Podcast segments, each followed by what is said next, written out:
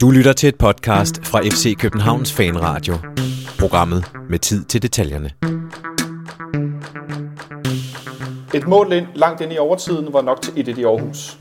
Den kamp og det første møde mod Atalanta på torsdag ser vi nærmere på i denne udgave af FC Københavns Fanradio, hvor vi også skal have svar på, om Kasper Højgaard har været mundaflæser, om Nikolaj Ingemann tror, at David Nielsen tror på spøgelser, og hvem Benjamin Dane mener skal sparke straffespark for FC København i fremtiden. Disse spørgsmål og mange andre skal vi have svar på, som sagt, i den næste times tid. Velkommen til FC Københavns Fanradio. Mit navn er Jonathan Folker, og jeg har fuldt panel her rundt om det lille bord i FC Københavns Fanradio, hvor vi låner, ikke Fanradio, Fanklub, hvor vi låner studie. Overfor mig til venstre sidder Benjamin Dane. Velkommen til dig, Benjamin. Mange tak. Du uh, matcher bordet i dagens udgave, som er sort med en fin sort skjorte her. Uh, på en dag, hvor jeg skal starte med at høre dig helt kort. Hvem er din all-time FC København-spiller? Ja. Favorit? Øhm, jeg har faktisk jeg har to, må man det? Ja, okay, Eller så er er det det, god. for, er det for politikere? Det er mandag, det går. Men det er fordi, det er ligesom, de er sådan delt op over to perioder. Øhm, da, da, jeg var, da jeg var yngre, var jeg rigtig, rigtig, rigtig glad for Thomas Rød. Ja. Øhm, og jeg kan ikke helt forklare, hvorfor. Øh, øh, andet end, at, øh, at jeg tror, jeg, øh, jeg fik sådan et spillerbillede af ham på et tidspunkt. Jeg hang hjemme på væggen. Øhm, og, og så kan man sige, så, øh, når jeg selv spiller fodbold, så spiller jeg så også venstre kant. Øh, så det kan også være, at der er noget der, og, har- og har gjort det, siden jeg var helt lille. Og min, min, min anden favorit FCK er nemlig, og måske nok min all-time øh, favorit, han er nemlig også venstrekant, det er Jesper Grønkær. Ja, Ja, så, så, så det må være de to, der får lov til at dele førstepladsen, måske med sådan lige Grønkær helt på top. Thomas Røhl Larsen, som jo også blev kaldt øh, klisterfod, fordi. Ja. han havde det der med at kunne bevæge bolden. Han havde den der meget berømte dribling ind i banen mellem to modstandere, han lavede nogle gange. Det var en vild dribling. Ja, og så kan jeg rigtig godt relatere til, han, han var jo i virkeligheden central midtbanespiller, ikke? Men, men var aldrig helt god nok til det der. Så han røg ud på venstrekanten, og sådan har jeg også altid lidt haft det selv på de Ja. fodboldhold, jeg har, har spillet på. Jeg vil rigtig gerne ind og ligge der, ikke? Og være tier og styre det hele, men det, det går ikke. Og hvem er den nuværende favorit? Åh. Øhm. Ja, det er jo nemt at sige Victor Fischer, ikke? så det vil jeg lade være med. Jeg siger, øh, jeg er rigtig glad for Dennis Barfro for tiden. Det, det er jeg nok ikke alene om, men øh, Ja. det, det må blive ham lige pt. Ja. Men, men jeg har ikke sådan en, altså, øh, som, som, som, som med de her to, at, at, hvor det virkelig var, Ja. øh, øh, hvor jeg da også følte lidt, at jeg var fan af spilleren. Det hang måske også sammen med, at jeg i, i begge perioder var lidt, lidt yngre, end jeg er nu. Så det, det der Og du var yngre tidligere end du er nu. Også til alle andre. Nej, men det er nogle år siden, ikke? Og det der med, at man sådan, Ja. Som, som barn og som teenager, så tror jeg også, at man nogle gange sådan forelsker sig lidt mere i spillerne, end, end, end i holdet. Øh, ja det, det tror jeg er en meget god point. Så øh, til højre for mig sidder dagens anden gæst, Nikolaj Ingemann. Velkommen til dig. Jo, tak skal du have. Hvem er din øh, all-time Altså, så, favorit i FC København? nu hvor, hvor Benjamin ligesom trak øh, to spillerkortet, så ville jeg nu kunne jeg også godt finde på at gøre det samme, men jeg kan også bare være hård kontant og bare sige, at der er bare en spiller, som overstråler dem alle sammen. Og han, med hans komme indvarslede det også en, en helt ny periode i FCK. Øhm, og det at, at det, at vi kunne tiltrække spillere på den hylde, og hente spillere af sådan en kaliber, som man ikke havde set før i, i Danmark. Og det er selvfølgelig Jesper Grønkær. Det var, der er jo ikke nogen... Øh, der er ikke nogen over, under eller ved siden af ham. Jo, der er masser under ham, men der er ikke nogen ved siden af ham. i hvert fald. Øhm, jeg synes, at øh, det var, det, altså, jeg elsker Jesper Grønkær, jeg elsker at se ham spille. Det var, det var en fantastisk altid, synes jeg. Også, øh, han havde den der lange periode med hans skade, ikke? men øh, jeg husker stadig den dag, han blev signet. Det var også vildt. Det var fandme vildt. Jeg, jeg kan i den forbindelse afsløre, at der ligger på YouTube et klip, øh, som var en 20-30 sekunder, hvor man ser Jesper Grønkær lave den her øh, dribletur mod Barcelona nede i hjørnet nede mellem Ja, C-tribunen og B-tribunen. Den, den, den bliver der jo altid tit snakket om, men, men jeg synes bare, der var så meget andet også i ham. Altså, der var, der var også den, den der leder, gå forrest øh, type. Og jeg kan huske også, da vi snakkede om, Victor- Fischer begyndte at skulle, skulle starte, øh, komme til klubben, at de også havde de der, de har de samme egenskaber der med at gå forrest. Jesper, Jesper Grønk er lidt mere introvert måske i den øh, henseende, ikke? men de har lidt de samme øh, kompetencer, synes jeg. Det må man sige. Hvem, er- hvem er så din nuværende favorit? Altså, det ville være let at sige Victor Fischer. Han har været alt for kort tid til, at, uh, han, at uh, jeg trækker ham op af hatten, så jeg, jeg er simpelthen fuldstændig vild med Sækker. Det må jeg bare sige. Jeg er helt forelsket i den, uh, den spiller. Ja, han er også øh, en, en vild karakter. Altså. Ja. Det, uh, så den, uh, der jeg trækker Sækker. Jeg kunne også godt have taget Barbro, men uh, Og dagens sidste gæst, Kasper Højborg. Højgaard, sådan noget vrøvl. Jo, det hedder jeg. fra, øh, hvad, hvad siger vi, Eurosport? Er det Yes. Godt. Øh, og selvom du jo ikke er FCK-fan, så har jeg alligevel øh, på forhånd øh, bedt dig om at finde både en, en all-time favoritspiller og en, en nuværende favoritspiller øh, spiller i FC København, fordi man, jeg tænker også, som, som, som tv-kommentator, du ser også sindssygt mange kampe, og der er jo selvfølgelig nogen, som man synes er sjovere at se på end andre. Hvem er din all-time favorit i FCK? Altså, det- kommer til at lægge sig op af, hvor- hvornår jeg har fulgt FCK mest, og det er jo de sidste, sidste 10 år, hvor jeg har, har dækket Superligaen. Og der synes jeg bare, fortællingen og der, hvor vi endte med, med Thomas Delaney, det, den er fantastisk. Altså en klubbens egen spiller, og så samtidig, at, øh, at han, den måde, han blev sådan ført frem på, hvor han måske blev anfører, før han var god nok til at være anfører, men alligevel modstod øh, den modgang, han, øh, han havde der og så kom ud på, på den anden side som alt, alt, alt for god til Superligaen, og har og så siden kunne tage det videre hen. Det, det, jeg synes, den fortælling, og det, som han, øh, han gav til FC København, og København måske også, det, øh, det, det gør, at han er den, jeg synes har været fedest i, i den tid, jeg har, har fulgt FC København tættest. Så, så det er min øh, all-time øh, favorite Mm, mm, FC ja. Ikke noget dårligt bud. Øh, nuværende. altså, hvis, hvis jeg skal se en FCK-kamp, og og Victor Fischer ikke er med, så, så vil jeg ærge mig. Men, men ellers Du er sjovt nok ikke alene her under Nej, nej, men, men, men nu vil jeg godt gøre ligesom de andre, så sige, hvem man også kunne sige. Altså, så, så er det Rasmus Falk, fordi jeg synes, han har løftet sig, og så synes jeg også, at, at hans... Øh, at det er måske lidt af naturstridigt. Hans øh, karisma er måske ikke FCK-agtig, men alligevel har han øh, formået at bide sig fast på et øh, Ståle Solbakken-hold og, og få en, en rolle så centralt endda. Så, så, så lige nu er jeg vildt imponeret af, hvordan Rasmus Falk griber det an øh, på den centrale midtbane. Ja, det var nogle meget øh, forskellige bud. Jeg vil sige, at øh, jeg, jeg vil jo gerne øh, sige, at det er sikkert skyld, at øh, Rasmus Falk er blevet så god. øhm, Og det kan sagtens være. Det er Øh, sikkert øh, fremragende. Øh, jeg synes, han, han, altså det der med, at Falk kan spille med så meget, øh, så meget sikkerhed, vi, vi at sikker ligger bag ham, ikke? Sikkerhed. Ja, sikkerhed. Øh, det, øh, det tror jeg også har hvad man, sat ham fri. Det lyder så voldsomt, ikke? Men øh, man ser jo ret mange afleveringer komme lige pludselig over en halv banelængde og ramme Rasmus Falk, og den kommer fra Sikkers fod, ikke? Øh, lige pludselig. Ja. Øh, det skal vi ikke glemme. Og så da vi første gang kørte sådan her runde for nogle episoder siden, så blev jeg bagefter spurgt, hvorfor jeg ikke nævnte mine favoritspillere. Og så kan jeg jo så sige, at jeg har også to all-time. Jeg har Michael Mannicke som den første, som er mit første danske fodboldidol. Helt tilbage fra start af 90'erne, lange mande. Øh, at der var en, en fotograf, jeg, ikke, jeg har stadigvæk ikke fundet ud af, hvem der er, som lavede en fotoudstilling med nogle øh, sådan, hvad skal man sige, mere kunstneriske fodbold, fodboldfotos, hvor at plakaten, der skulle reklamere for udstillingen, var et, øh, et billede ud fra Lønby Stadion, med den her spillertunnel, om du vil, med det her net henover, hvor de går ud til det gamle klubhus i Lønby, hvor, hvor Mande, han, ligesom, øh, han har langt hår, hvor han ligesom kører hånden gennem håret og kører det tilbage, mens han kigger lidt nedad, og det er taget sådan mod spillerhuset, eller jo, det hedder klubhuset, hvor de er på vej ud på banen. Og det havde jeg hængende på mit øh, barndomsværelse, det her, den her plakat, med Michael Mannikas autograf på. Sådan. Og så senere hen, som nogle af jer nok har hørt mig ploppe om, Michael Antonsson. Det, den, må den, den, the med. unsung hero fra vores, øh, nok en af de bedste hold, vi har haft i 2010, og nu en, en, en klubmand, selvom det er måske lidt et for, for, fortærsket Brøndby-udtryk. Men han er i den grad en, en kulturbærer i FC København. Øh, ham er jeg ret vild med mig indom. Øh, og nuværende, Victor Fischer. Så kan jeg godt tage den. Om det, havde jeg tænkt, mig- det havde jeg tænkt mig at sige, uanset hvad, fordi jeg synes, han er... Vi, vi klapper over. Benjamin, hvor meget tror du, vi har talt om Victor Fischer i den her sæson i podcasten? Hvor mange minutter? Det er jo helt vildt. Altså, Ja, en tredjedel eller sådan noget. han er så hæftig som øh, stor FCK-fan. Øh, Philip Hedemark skrev på Twitter i går, øh, man kan ikke forsvare sig øh, fra øh, Victor Fischer, altså frød. Øh, det kan man ikke øh, gardere sig imod, fordi han skal nok score til sidst. Men øh, han er jo også så god, og han er så god en historie. Altså, der, Ja, har det- heller ikke et øh, redaktionsmøde, uden at han lige... Og, skal, vi, skal, skal vi have noget med ham den her gang, eller skal vi lige vente lidt? Fordi Ja. altså, man kan jo ikke lave noget med ham hele tiden, men omvendt vil man gerne lave noget med ham hele tiden, fordi han er så fed, og han giver også meget af sig selv på, øh, på en egentlig meget afslappet måde.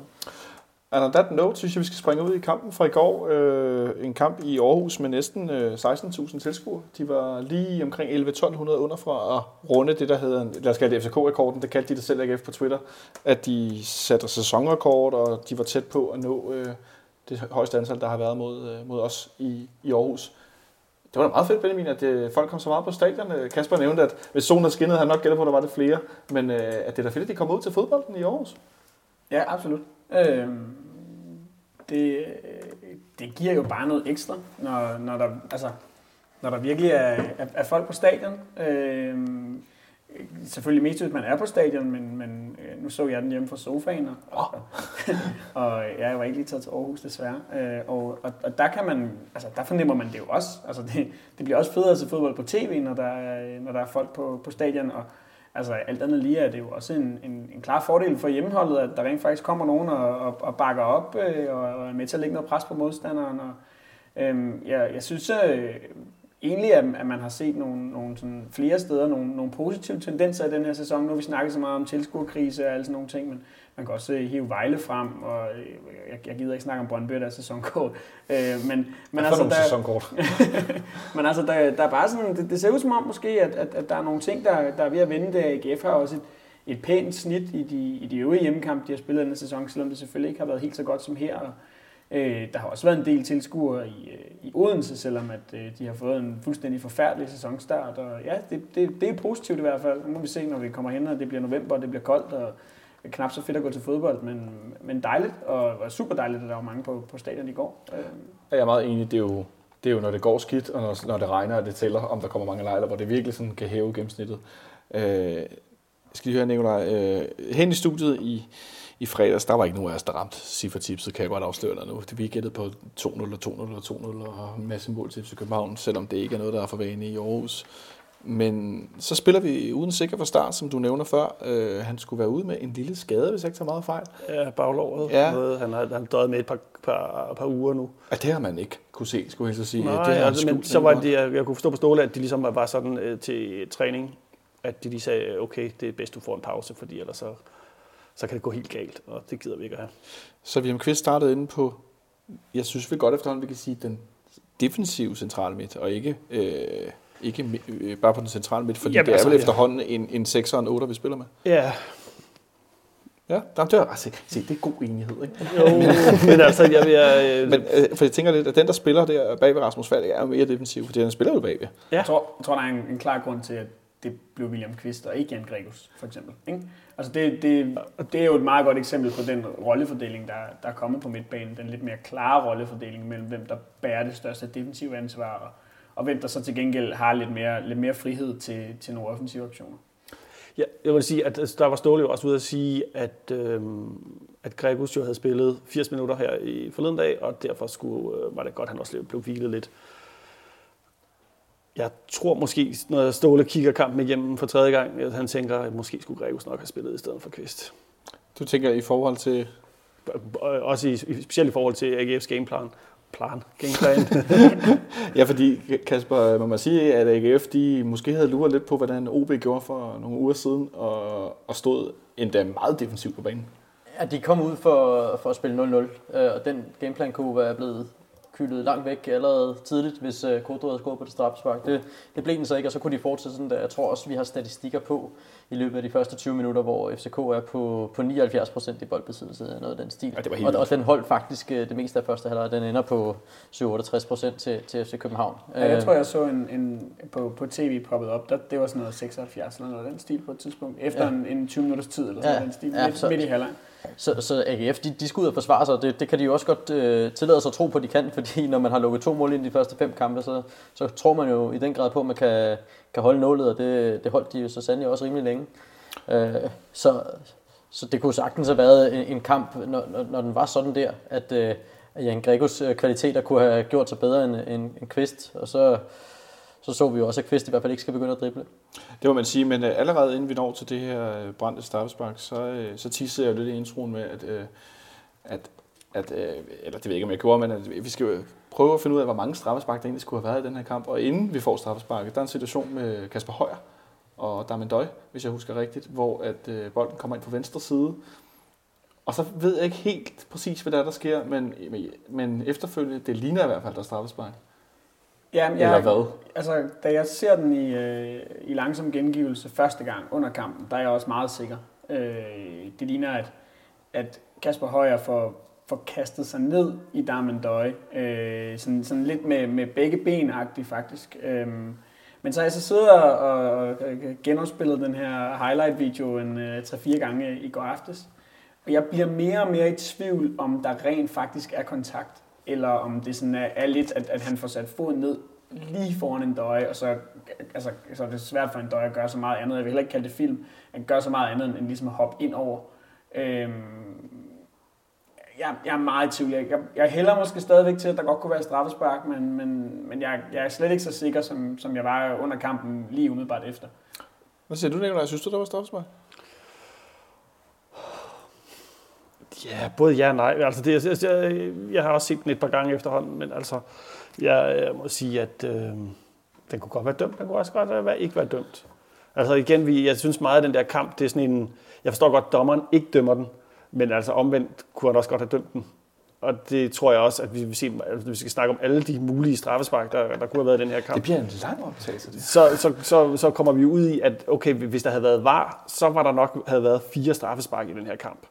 Men det er der ikke. Men der er ikke nogen af jer, der siger klart ja. Det bider jeg mærke i. Og grunden til, at vi lidt nævner det er, Kasper, at du og medkommentator Lars Jakobsen i går meget hurtigt fik sagt, ah, der var ikke til, til sidst blev vi i hvert fald enige. Vi, vi er i tvivl til at begynde med. Præcis. Og til sidst, til sidst blev vi enige. Jeg synes, det ligner, at en døj i ikke at ramme bolden vælter lidt ind i Kasper Højer. Ja. Øh, og så, så ender den der, og så får FC København jo øvrigt en fremragende mulighed for at score, som bliver reddet på lige foran stregen. Øh, Ankersen tror jeg, det er der for ja. afsluttet. Øh, jeg, jeg synes ikke, der er straffe der. Jeg må også erklære mig enig. Da jeg så det først, tænkte jeg, at ah, der er godt nok stort straffe. Men da jeg så så det nogle gange, var jeg også sådan der, ah, hvis jeg, for jeg blev ligesom dig, Benjamin, i tvivl. Og når man er så meget i tvivl, så er det som regel, jamen, så er der ikke noget. Øh, altså, jeg får det den der, når hvis man begynder at tvivle på det, når man så ender det jo som regel med, at så er det, så er det også for, for svært at se, i, som du selv siger, spole frem og tilbage. Hvis man ikke kan se det tydeligt der, men så, altså, så er der ikke straf. Den er i hvert fald ikke klokkeklar, og så kan man bedre acceptere, at det ikke bliver dømt. Ja, det må man sige. Men så går der ikke så lang tid, og så laver øh, Peter Ankersen, hvis jeg ikke så meget fejl, en ballonbold inden for højre. Et øh, næsten, vil jeg sige, klassisk Ankersen indlæg efterhånden. I hvert fald for langt. for langt. Han havde rigtig mange dårlige indlæg. Ja, også i går. Det sejlede 3-4 ja. meter hen over alle, var jeg nærmest at sige. Men alligevel beslutter Dino Mikanovic sig for at, at skubbe Visa Fischer med to hænder på skulderen i ryggen. Det så meget mærkeligt ud. Øh, tror du, det var noget med, at han måske har sådan tænkt, ej, jeg skubber det til ham, men det, det er jo bare sådan noget slåskamp i feltet, der skal ikke noget ved. Jeg tror ikke altid helt selv, at Dino Mikanovic, han ved, hvorfor han gør, som han gør. Altså det, jamen han, han, han virker bare, nu har jeg efterhånden set ham nok gange, jeg ser ikke alle AGF's kampe, men jeg har efterhånden set ham nok gange til at vide, at han er en spiller, som man ikke kan regne med på noget tidspunkt. Altså øh, både på godt og ondt. Øh, altså, øh, det er jo også derfor, at han øh, lige pludselig finder på at trække ind i banen og øh, tyre den afsted med, øh, med venstre ben og sparke langt forbi. Og sådan. Han gør nogle mærkelige ting engang imellem. Og det her er jo fuldstændig uovervejet. Altså, øh, der er jo absolut ingen grund til at skubbe Victor Fischer med to hænder i den situation, fordi den mens, er fuldstændig ufarlig. Mens bolden er deroppe. Altså. Jeg, jeg, jeg sidder og peger her. Ja, han, han, han kan jo bare lade den løbe ud over baglinjen, øh, og så i øvrigt lade Fischer være, for der er jo ingen chance for, at han nogensinde når frem til den. Så, så Spørgsmålet er, om, om, om det er sådan en, en, en regulær hjerneblødning, eller om han simpelthen er, på en eller anden måde altså fejlbedømmer den her bold så meget, at han tror, at Victor Fischer kan nå op til den. Øh, altså det, det er sådan den eneste gode grund, jeg kan finde til, at han skulle kunne finde på at, at, at skubbe til Victor Fischer der. Og det straf er der så i hvert fald absolut ingen tvivl om, fordi når du har, når du har to hænder i ryggen på, på modstanderen, øh, så kan man diskutere, hvor hårdt han skubber og sådan nogle ting, men han skubber, øh, og er ikke i nærheden af bolden, der er straffen. Ej, to hænder, det, det er jo nærmest en håndboldtakling, som man heller ikke kan lave i håndbold. Øh, men der, jeg skulle sige, der er vel bred enighed rundt om bordet her, der er straffe. Ja, chips. Jeg sad lige her, mens I snakkede om det der straffe, og de så det andet straffe en gang til. Der er ikke straffe på den første, det er der altså ikke. Nej, det er der ikke. Nej. Nej. øh, Kasper Højgaard, nu, nu var du inde på, at, øh, at I, I nævner Victor Fischer på, på redaktionsmøder og så videre. Når I nu øh, har AGF af Dino Mukanovic som det her halve blålyn, han er på, højre på højre, han er også en, som I nævner som en, der kan, øh, der kan være gang i? Øh, ikke sådan uh, historie-wise. Nej, uh, det er jeg mener mere sådan i kampen. Uh, ja, jamen, så er det sådan noget, man snakker med medkommentator om, at ham her kan være spændende her. Ja, det kan han jo egentlig også. Han, jeg tror, hvis ikke det var, fordi han har udløb, tror jeg, næste sommer, så var det jo et godt uh, salgsemne for AGF. Nu kan de vel ikke få ret meget for ham, medmindre de forlænger.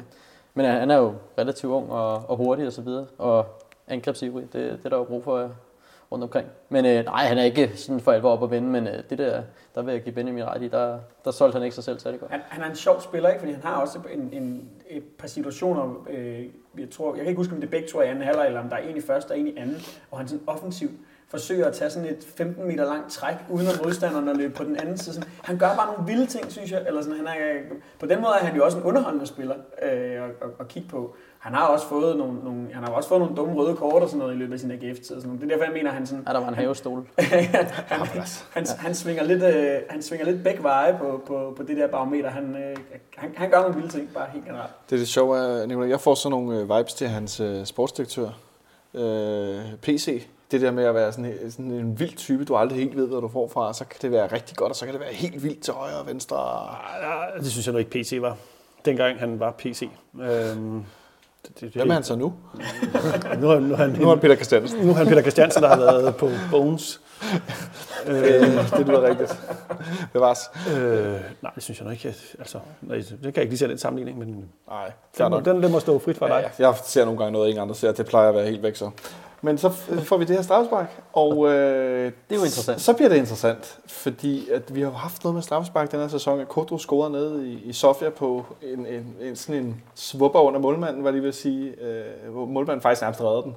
Ja, der, der, ind. den, øh, den kamp sidder jeg og kommenterer med Mads Juncker, der sidder vi jo og diskuterer, om, om det nærmest er dårligere målmanden. Øh, og det, det kan man jo sjældent sige på et straffespark, men, men den her lå i et sted, hvor målmanden godt kunne have reddet den, især når han vælger den rigtige side. Øh, men men der, der scorer han så Kodro, men øh, jeg ved ikke, hvorfor, for det skulle berettige til, at han, øh, han var fremme i køen der. Men Varbro var ikke på banen, og Fischer øh, sagde nej tak. Og man kunne høre Ståle ude for fløjen, nu skal jeg nok lade mig råbe det højt, øh, øh, meget insisterende på sin, med sin fistelstemme, råbe Victor, Victor, Victor, og blev med at pege ind på ham, og Victor Fischer, han lavede det her afværgningsvifteri med hænderne, og var ligesom sådan, nej, nej, jeg skal ikke sparke den, og så fik øh, Kodro den, og jeg, jeg synes, jeg læste, at nogen havde forsøgt at mundaflæse sig til, at øh, Kodro sagde noget i stil med, are you, are you kidding me? Eller han var sådan et eller andet. Er du sikker? Øh, men Kasper, jeg, jeg kunne forstå i går på, på Lars Jacobsen, at du var gammel mundaflæser. Er det, har det noget på sig? Er der en historie, vi ikke har hørt der? Har du i dit overhovedet tidligere liv Men, øh, øh, været bugtaler måske? Hvor vi? Det er derfor samtlige. Premier League-spillere går rundt med munden. Det Det er, det, det er Kaspers skyld. Ej, jeg vil sige, det var faktisk et par ting, man godt kunne aflæse på, hvad Fischer sagde der, øh, uden at være professionel, tror jeg. Han, øh, han sagde i hvert fald øh, ud til Ståle, siger han, at øh, det blev begået mod mig. Det kunne man øh, tydeligt aflæse. Og så har jeg glemt, hvad det er, han siger til Kodrup, men det er noget i stil med noget på engelsk, men eller du tager det, ikke? Ja, det er jeg, tror, jeg tror, han siger, you take it. Ja. Det, det synes jeg, man kan, man, man kan mundaflæse Øh, øh, på, på men- en af de der slows i hvert fald. Men, men lige for, for at gøre det færdigt. Lars Jakobsen har jo mange øh, sjove idéer undervejs i sådan en kamp. Øh, det, det tror jeg ikke. jeg, jeg, øh, Hvor, hvor tit, har, har du Ja, ja. virkelig sådan en hovedafbryder til hans mikrofon? Det er på. nej, men jeg, jeg, jeg, jeg tror, jeg har spist rigtig mange pølser i pausen, hvis man skulle tro Lars Jakobsen. Det, det er han øh, glad for at få nævnt i anden halvleg, at jeg lige har været nede og spise. øh, Jeg ved ikke, hvor mange pølser. Så, så, Hvor så mange han, pølser kan du spise bare? Cirka en. Bevares. Øh, ej, han, øh, han finder på, og det er også kun hyggeligt for, for stemning og humør. Det må man sige. Jeg lå i hvert fald mærke til det, og tænkte, det bliver jeg nødt til at høre noget om. Det kunne godt være, at du engang Ej, jeg havde vil gerne- været, Jeg afviser pure. havde været Buster Larsen og havde øvet dig på at være butaler eller noget af den stil, smadret et ur i en pose, det ved man aldrig. Men Benjamin, så sker der det, at vi får det her strammespark, og Kodro han sparker det. Fuldstændig som i Sofia. Det er jo nærmest en en-til-en kopi. Ja. Men det havde jo, øh, hvad hedder han, Jovanovic, mm-hmm. AGF's målmand. Jeg blev lige i tvivl om, han var med K. Det har han ikke, nej. Øh, det havde han set, det her strammespark, og går meget tidligt på den, og redder den.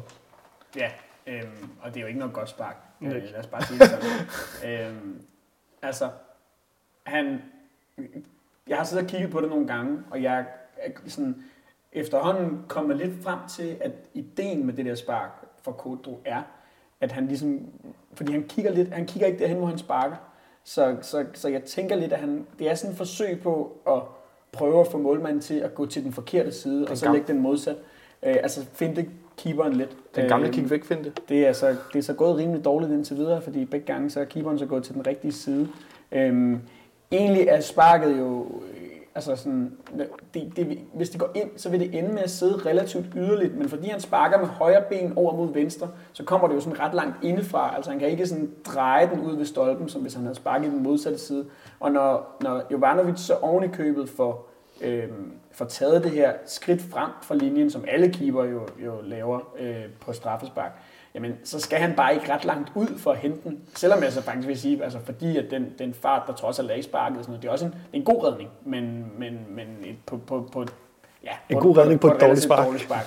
jo, men det, altså, du ved, han, han, han kan heller ikke bare stå og, og gribe ham ud, eller sådan. Altså, han, Ej, ej. der skal jo trods alt også noget til for at tage den der. Øh, men han havde, han havde læst på lektien, selvom jeg så vil sige, at det måske er et lidt tyndt grundlag at, Et kapitel. at, at satse på, på baggrund af et eneste spark. Men, men ja, godt taget og, og dårligt sparket af Kodro.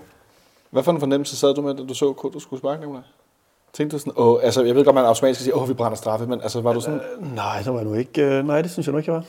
Nej. Altså, der var sådan lidt, det, jeg forventede, at han ville sætte den ind, selvfølgelig. Altså, det det, det var ligegyldigt, hvem ellers der ville have været, om det så var Peter Ankersen, eller hvem fanden det havde været. Det var helt klart forventet, at selvfølgelig sætter de den ind, men hvorfor skulle man ikke sætte den ind ved straffe? Altså selv jeg sætter den ind på straffe. nogle gange. Ofte. Men, For det meste. men så brænder han, og hvad, hvordan synes du kampen øh, ændrer karakter efterfølgende, Kasper? Vi havde jo siddet tungt på spillet. Ja, det, det synes jeg jo egentlig, at FC København fortsætter med at gøre. Øh, Jeg synes ikke, som sådan, den ændrer karakter. Altså hvis vi tager sådan hele første halvleg, så bliver Amini bedre og bedre til at, at læse afleveringerne øh, frem i banen og bryde spillet. Det, det sker en eller to gange op til, at øh, så er det så Julesgaard, der erobrer den på kvist øh, ved målet. Men, men AGF har sendt et par advarselssignaler afsted inden, inden scoringen kommer, men det er jo bare tungt, tungt FCK-pres, hvor de spiller udenom. Og, altså, især Peter Ankersen kommer til rigtig mange indlæg, men hvor der er rigtig svag kvalitet på. Jeg tror, efter første halvleg var der kun et indlæg, øh, der, der var med kvalitet øh, i, i de statistikker, jeg sidder og, og kigger på. Øh, hele kampen var 23 indlæg for Ankersen, hvor, hvor 8 blev kategoriseret som gode. Har Peter Ankersen 23 indlæg. Ja, øh, Det er jo helt vildt og også den øh, FC København-spiller, der, der taber bolden flest gange i løbet af kampen. Øh, så- Men det er så også de her indlæg, der ikke øh, bliver til noget mange af dem. Ikke? Men, men det var som om, at AGF, at det var den åbning, de tillod, at øh, den må godt komme derud. Øh, så kan han slå et indlæg. Og så var de faktisk rigtig dygtige til at afvise øh, Endøje. Det, det var jeg overrasket over, fordi Endøje havde fuldstændig krøllet øh, CSKA Sofia sammen over to kampe, som ellers havde nogle okay midtstopper. Øh, men at, at Julesgaard og Bachmann kunne, kunne pakke ham ind til, til kun at vinde øh, hver anden duel, det, det synes jeg var imponerende. Øhm, der er flere ting, bare lige for at tage den der med, med, med en døje, der, altså, han spiller godt nok også en dårlig kamp. Altså de første 20 minutter, der er han jo, øh, bortset fra den her straffesparkssituation, vi har diskuteret, så er han jo fuldstændig usynlig. Altså han, han får slet ikke heller øh, bevæget sig rundt på banen, som vi har set ham gøre i, øh, i, i de øvrige kampe. Altså han, han bliver liggende op ved de to midterforsvar, han kommer slet ikke med i spillet på nogen måde. Det er der flere andre af de offensive spillere, der ikke rigtig gør, men en døj er, er fuldstændig usynlig. Så er det som om, han melder sig en lille bit smule ind. Der er øh, på et tidspunkt øh, efter en, en 20-25 minutter, hvor man kan se, så begynder han at løbe lidt ud til venstre og lidt ned i banen og sådan nogle ting, som han har gjort meget. Øh, i, i, synes jeg, efter han er kommet tilbage, altså sådan bevæget sig lidt væk fra den her angriberpositioner, og ikke været så meget den der boksangriber, der ligger på bagerste stolpe, som, som vi kender ham som, men i virkeligheden været, sådan, været lidt mere rundt på banen. Det gør han overhovedet ikke. Øh, så synes jeg sådan rent spillemæssigt, at, at den her kamp øh, sådan, øh, udvikler sig lidt i løbet af halvlejen, og måske sådan, man kan næsten dele den op sådan i, i 22,5 minut og 22,5 minut, fordi det er som om i den anden halvdel, der begynder AGF, som, som, øh, som Kasper også er inde på, det her med de lurer, hvor de kan bryde boldene og få, få kørt nogle kontra afsted, fordi de første 20 minutter, der, den, der synes jeg faktisk, vi spiller rigtig, rigtig godt, øh, og, og holder deres kontraangreb på minimum, vinder anden boldene. William Kvist får placeret sig rigtigt i de her restforsvarssituationer. Øh, der bliver ikke spillet nogen øh, hasarderede bolde øh, midt på banen, som, som kan brydes og sådan nogle ting. Altså der, der er det bare et langt tryk ned mod deres mål. Og så er det som om gassen går en lille bit smule af, af ballonen, uden at, at, at de selvfølgelig kommer på bolden i længere tid. Men, men der bliver bare sat nogle, nogle modangreb ind, og som jo altid er med til ligesom at, at lette modstandernes tryk en lille smule. Og så sker der jo hverken værre eller bedre, end at øh, vi har en naturbold efter et hvis jeg ikke så meget fejl. Hvor at, øh, William Kvist, han øh, selv forklarer efterfølgende, at han skal tage et træk med venstre ben over med højrebenet. Første eller anden gang, han laver den samme, for, hvor han forplumrer den. Jeg tror, det er anden gang. Er det anden gang? Ja, ja. Hvor Nå, det det- første det- gang koster en, øh, men, men situationen lige inden har AGF en kontra, hvor Nikolaj Thomsen får vist, at han har en øh, verdens længste storturnejl, Ja. og lige får sat øh, foden på og reddet også en meget farlig situation. Og så laver vi øh, så det her klummeri, hvor AGF jo også slår en kontra, som er Altså, det er virkelig, virkelig godt kontraangreb. Øh, det må man også give altså, det, altså, det, det, det kan man jo ikke sige, men man kan jo tale om, hvorfor situationen opstår. Og det gør jo, fordi det er den forkerte spiller, der, der ligger og løber rundt dernede, som ikke har overblik, øh, overskud til ligesom at udføre sin plan på nogen måde. Øh, Jeg synes, William Kvist fucker fuldstændig op. Ja, det, det, jeg må indrømme, jeg synes også, det var, det var en grad situation. Kasper, øh, er det for meget at, at, at klandre William Kvist alt for meget for det her mål? Nå, men det er jo ham, der, der tænder bålet, eller hvad man siger, så, så, så selvfølgelig har han øh, en, en andel i det her. Og, og derfra så, så stor kado til, til Julesgaard, som bare brager igennem op i, igennem midten af banen, øh, Bundus aflevering, der ligger millimeter præcist, og, og Stage som first timer. Altså de- de der ting, de sidder også bare i skabet fra AGF, hvor at, at, at der er tre spillere, der lykkes maksimalt med det, de prøver på. Og, og så, så, så er det bare været udført. Det, det, var- det, det ligner ikke, da, da Kvist mister den, der, der tænker man ikke, åh, oh, oh, nu går det galt, eller eller andet. Det, det var ikke sådan, øh, at, at man tænkte, at, at at om 8 sekunder ville den ligge nede i, i målet. Øh, der, der gik det bare stærkt, og det var, det var veludført, og det falder selvfølgelig tilbage på William Kvist. Det gør det lidt, men, men øh, også sådan her lidt, Benjamin, jeg kommer til at tænke på det her klassiske, okay, hvis det skal gå galt, så går det galt, ikke? Altså, at man mister bolden helt op i modstanderens felt, og så alligevel så går der et øjeblik, så, så er vi bagud. Øh, nu kan det godt være, at Kasper han siger, at det var ikke sådan, at man tænkte om 8 sekunder, så har modstanderen scoret. Men jeg nåede noget, de har nå, det skal nok gå galt det her, ikke? Og, Nej, øh, og det synes jeg jo er med til at undskylde William Kvist en lille smule. Øhm, altså, havde han nu lavet noget lignende i egen midtercirkel, med en væsentlig kortere afstand til mål, Ja. øh, så ville jeg have sagt, at det var fuldstændig vanvittigt. Jeg, jeg er med på, at han, at han begår en stor fejl, som, som i sidste ende fører til det her mål, men altså, øh, og, og holdet er en lille smule ude af balance, så kan man så diskutere, skal, skal William Kvist være klar over det, når han tager det her træk og sådan nogle ting. Men der er godt nok mange spillere, der har mistet en, en bold, fordi de tog træk på kanten af modstandernes felt. Øh, altså, øh, hvor, hvor, hvor der så kan ske alt muligt bagefter. Det synes jeg bare hører med til historien om det her mål, det er, at ja, William Kvist laver den første fejl, og han laver måske også den største fejl, men det, der er altså godt nok også meget, der ikke spiller i det her returløb for resten af holdet. Øh, og øh, Ståle efter kampen i, i studiet fremhævede jo også blandt andet Papagiannopoulos, altså, Ja. som, øh, som ja, overhovedet ikke har styr på Jens Dage. Og det, det, jeg ved godt, det er et godt løb, han får taget, og masser af power og sådan nogle ting. Men hvis han er en lille smule hurtigere om at opfange den her situation og få accelereret, så kan han komme imellem den bold der. Øh, uanset hvor godt den ligger fra Bundo, fordi han kan simpelthen afskære den vinkel, han kan spille ham i. Og, og det ser han simpelthen for sent. Øh, jeg, jeg er også lidt i tvivl om, jeg synes, at, at den aflevering frem mod Bundo, om, om Bøjlesen kan, kan, kan gøre lidt mere Ja, det- ved det den, tænker jeg fordi så meget fart har den heller ikke. Den fra Bundo er rigtig, rigtig godt slået, men, men, men den anden, det, jeg, jeg, er ikke, øh, jeg er ikke blevet helt enig med mig selv, om jeg synes, at han, han måske har en chance for at nå imellem. Det kræver også, at han satser lidt, og der skal han selvfølgelig tage en eller anden vurdering. Øhm, jeg synes, der er mange ting, der går galt. Jeg synes også, at, at holdet øh, står øh, placeret forkert og sådan nogle ting. Altså, der, der er meget. Øh, så ja, William Fisk begår en klar fejl, men, men det er der også mange, der gør, andre, der gør. Jeg synes, at det, det William Kvist, som når vi startede, vi startede også med at sige, at han ligger, så han er i, i, i går var han defineret som en klar sekser og skulle ligge dernede bagved og skærme af.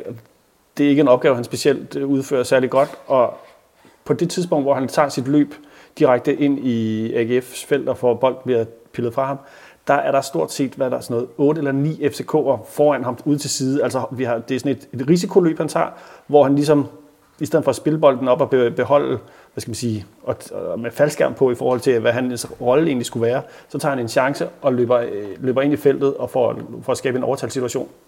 Og det er jo en chance og en risiko, men det skulle han slet ikke gøre. Altså, det, er jo, det var ikke hans opgave, den, så måtte han spille den til Falk. Men man så jo også, at Rasmus Falk, på grund af William Kvists manglende kvalitet i går, hele tiden nærmest lå så tæt på, på William Kvist, at du fik trukket midtbanen. Den lå meget, meget langt tilbage i forhold til, hvordan vi har set den blandt andet i OB-kampen, jo, som havde sådan et kampforløb, der mindede meget om det her. At der havde du jo bare meget mere definerede roller, hvor, hvor, hvor, hvor Rasmus Falk lå foran Sækker, og Sækker ligesom lå bagved som sweeper-agtig og, og styrede spillet og havde et overblik, og det, det, det fungerede slet ikke for William Kvist i går. Altså, jeg kan virkelig godt lide William Kvist, men der, derfor spillede han stadig en dårlig kamp. Jeg skal lige indskyde, at vi har stadigvæk uh, William Kvist roulette senere i udsendelsen. Bare til dem, der var i tvivl. Uh, den, ja, det glæder mig Den udgår ikke, fordi at, uh, han spillede en måske ikke så god kamp i går. Vi snakkede lidt om, Kasper, tidligere om, om hvorvidt Greco skulle være startet, eller ikke var startet, men jeg tænker også, der er også noget balance i, i holdet, som vi ser i anden halvleg senere, hvor at Nikolaj Thomsen og Rasmus Falk spiller den centrale midtbane sammen, og der skal jeg lige love for, at vi knækkede over i en grad, som jeg sjældent har set. Øh, der var simpelthen ikke, der var for meget offensiv øh, ubalance. Men så øh, får vi ikke... Altså, det, det, er jo en, det er jo en spøjs kamp, fordi det er jo ikke sådan, at vi vader i afslutninger, selvom at vi jo har bolden. Jeg, jeg ender med at se her på, ifølge Superliga.dk, der har vi samlet i kampen 66,7% boldbesiddelse. Jamen, den tror jeg god nok. Øh, og det er ret voldsomt, øh, vil jeg sige, på udebanen. Øh, men det er jo ikke fordi, at vi har enormt mange Nej, men afslutninger. det er lige før, jeg tror, at at i første halvleg, at, øh, at straffesparket er FC Københavns sidste afslutning i første halvleg. Og at de, de ikke kommer til flere afslutninger der. Vi ender i hele kampen på fem skud på mål, ja. Med 6, næsten 67 procent Jeg tror faktisk, at William Kvist har en afslutning. Han har en øh, afslutning, der var næsten første godt øh, Inden, indkast. inden for rammen? øh. Nej, nej, overhovedet ikke. Jamen, øh, ja. Men, men der går lang tid før chancerne begynder at komme i anden halvleg. Så får Ankersen ramt en døje et par gange. Der er et indlæg ind til Varbro i anden halvleg. og Sådan noget, men, men der går Pjetter også et hovedstød, der er rigtig også et hovedstød, som også er lige i armene på Jovanovic. Øhm, men det, der kommer nogle muligheder, men, men der er jo ikke den her store FC København chance, og den, den kommer jo faktisk aldrig. Den, den store chance, hvor man, øh, hvor man tænker, her, er, her, her skal der bare være mål. Det er vel også ret atypisk, at vi ikke får sp- sp- spillet modstanderen så tynd, især i denne sæson, så at vi netop får skabt den der chance, hvor man, hvor man ikke brænder. Jeg vil sige, sige med alle de offensive kræfter, der var i spil, så, så, så er det vel atypisk. Jeg synes også, Skovs indhop var, var meget anonym. Jeg synes ikke, han gjorde nogen forskel overhovedet. Altså, han, han skulle vel ind også at være, være en skudtrussel og, og, og et eller andet, og, og og der, kom, der kom slet ikke noget for Skov i, det, i den anden halvleg. Selvom øh, jeg, jeg godt kunne lide øh, tiltaget med, at man fra anden halvleg start prøvede at gøre noget andet, fordi man skulle ligesom øh, op og indhente noget, men, men det gav ikke rigtig noget. Jeg, jeg synes faktisk ikke rigtig nogen af indskiftningerne var, var vellykket. Robert Skov og Peter Ankersen, de ser nogle gange ud, som om de ikke har spillet sammen før, Benjamin. Det er noget mærkeligt med de der to, de der løb, Robert Skov laver for Peter Ankersen, når han har bolden, det ser... Altså, jeg sad også i går og var sådan, hvorfor løber du der? Hvorfor løber du ikke der? Altså, det ser ud som om, at... Jamen, jeg ved næsten ikke, hvad jeg skal sige. Altså, det ser simpelthen bare ikke selv koordineret ud. Mm, nej, jeg synes, jeg synes, Robert Skov har et problem med at få bragt sig selv i de rigtige positioner. Øhm, jeg synes, at, øhm, at han ofte bliver for nem at læse, fordi at de ved, at han, han skal ind til det der venstre ben. Øh, og, og der kommer meget, meget sjældent noget, når han går den anden vej. Og, og så får han tit sådan, altså nærmest sådan driblet ind i sin modstander, i stedet for udenom ham. Det sker også flere gange i går. Øh, så så det, det fungerer ikke helt godt. Vi, vi kan jo se, altså han har jo øh, øh, fået lavet et par mål i, offen, eller i åbent spil også i den her sæson indtil videre. Vi kan se, når han, når han lykkes med det, hvor, hvor farligt det så kan blive, fordi han sparker så godt, som han gør, også i åbent spil. Øh, men, men ja, altså det dårlige indhop for ham i går, og hvis vi kigger på de, på de offensive spillere generelt, jamen, altså øh, som Ståle sagde meget rigtigt, jamen, de har en halv off day alle sammen. Øh, og Det er altså også grimt. og det vil sige, at, at de får simpelthen ikke, altså, de får ikke øh, gang i det her spil, hvor de kan kombinere med hinanden den her øh, øh, lidt nye måde at spille på, som vi sad og snakkede om så sent som i, som i sidste udsendelse. Altså det her med, at, at vi spiller rigtig meget ind gennem midten og, og, og på, på øh, hvad kan man sige, et meget sådan begrænset plads og meget på første berøring og ind bag modstandernes forsvar og sådan nogle ting. Øh, Det er selvfølgelig også svært, når, når modstanderne står så lavt, som AGF gør, fordi mange, mange hold står lavt mod os, men, men AGF står trods alt endnu lavere. De, de har rekorden, tror jeg nærmest, Ja, det må man sige. øh, øh, i, i at parkere bussen længst nede på banen. Øhm, og, og der kunne man godt savne lidt, det sagde Ståle i øvrigt også i, i, i pausen, at vi troede lidt mere udefra, men, men øh, hvis det var planen i, i anden halvleg, så, så skete det i hvert fald ikke. Nå, men jeg var, også, jeg var faktisk også ret overrasket over, jeg tror, vi har 14 eller 15 hjørnespark, og der er ikke et eneste af dem, der er farlige. Og der er Vavros hovedstød i anden halvleg. Det er for Ja, Jørgensen. en- Det, det er ikke Jørgens Bak, Det er ikke frispark ude fra nej, højre. det kan du godt se. det, det, Øh, Bjelland har et fuldstændig frit hovedstød øh, midt i midt Der i er han så halvleg. godt nok også. Øh, Jeg skal skulle jeg sige. hvor- kommer det fra hjørne? Det kommer fra et hjørne, ja, og det ser simpelthen ud som om, at, øh, det ser simpelthen ud som om, at Bjelland tror, at han er tre meter længere fremme, end han er, fordi han, altså, han har jo masser af tid, men det ser ud som om, han sådan, det ligner næsten, at han bevidst sådan, øh, altså får den der træf på, på bolden, hvor han snitter den en lille smule i stedet for bare helt direkte på den, for hvis han gør det, så er der mål. Ja, det var, han, han ærger sig meget, meget, meget voldsomt med hænderne i... i Jamen det er det, han ligner med sådan en, han hænderne mod ansigtet i et par han sekunder. til bolden, så ser det ud som om, han, det går op for ham, hvor han egentlig var. Men, men en ting er, at Ståle taler om en, en kollektiv halv day, kalder du det, Kasper. Øh, Men hvor meget gave skal vi give til, til AGF og deres defensiv, for at vi ikke øh, får skabt flere store chancer? Nå, men de skal da have stor gave, fordi et, altså sådan som Girallo, som den her sweeper foran øh, forsvaret, det, jeg har sjældent set ham spille så disciplineret og lykkes i så mange af sine aktioner, uden at også, jeg tror ikke engang, han fik et gult kort. Øh, det, det har han jo nogle gange også en tendens til at komme ind i nogle uheldige situationer.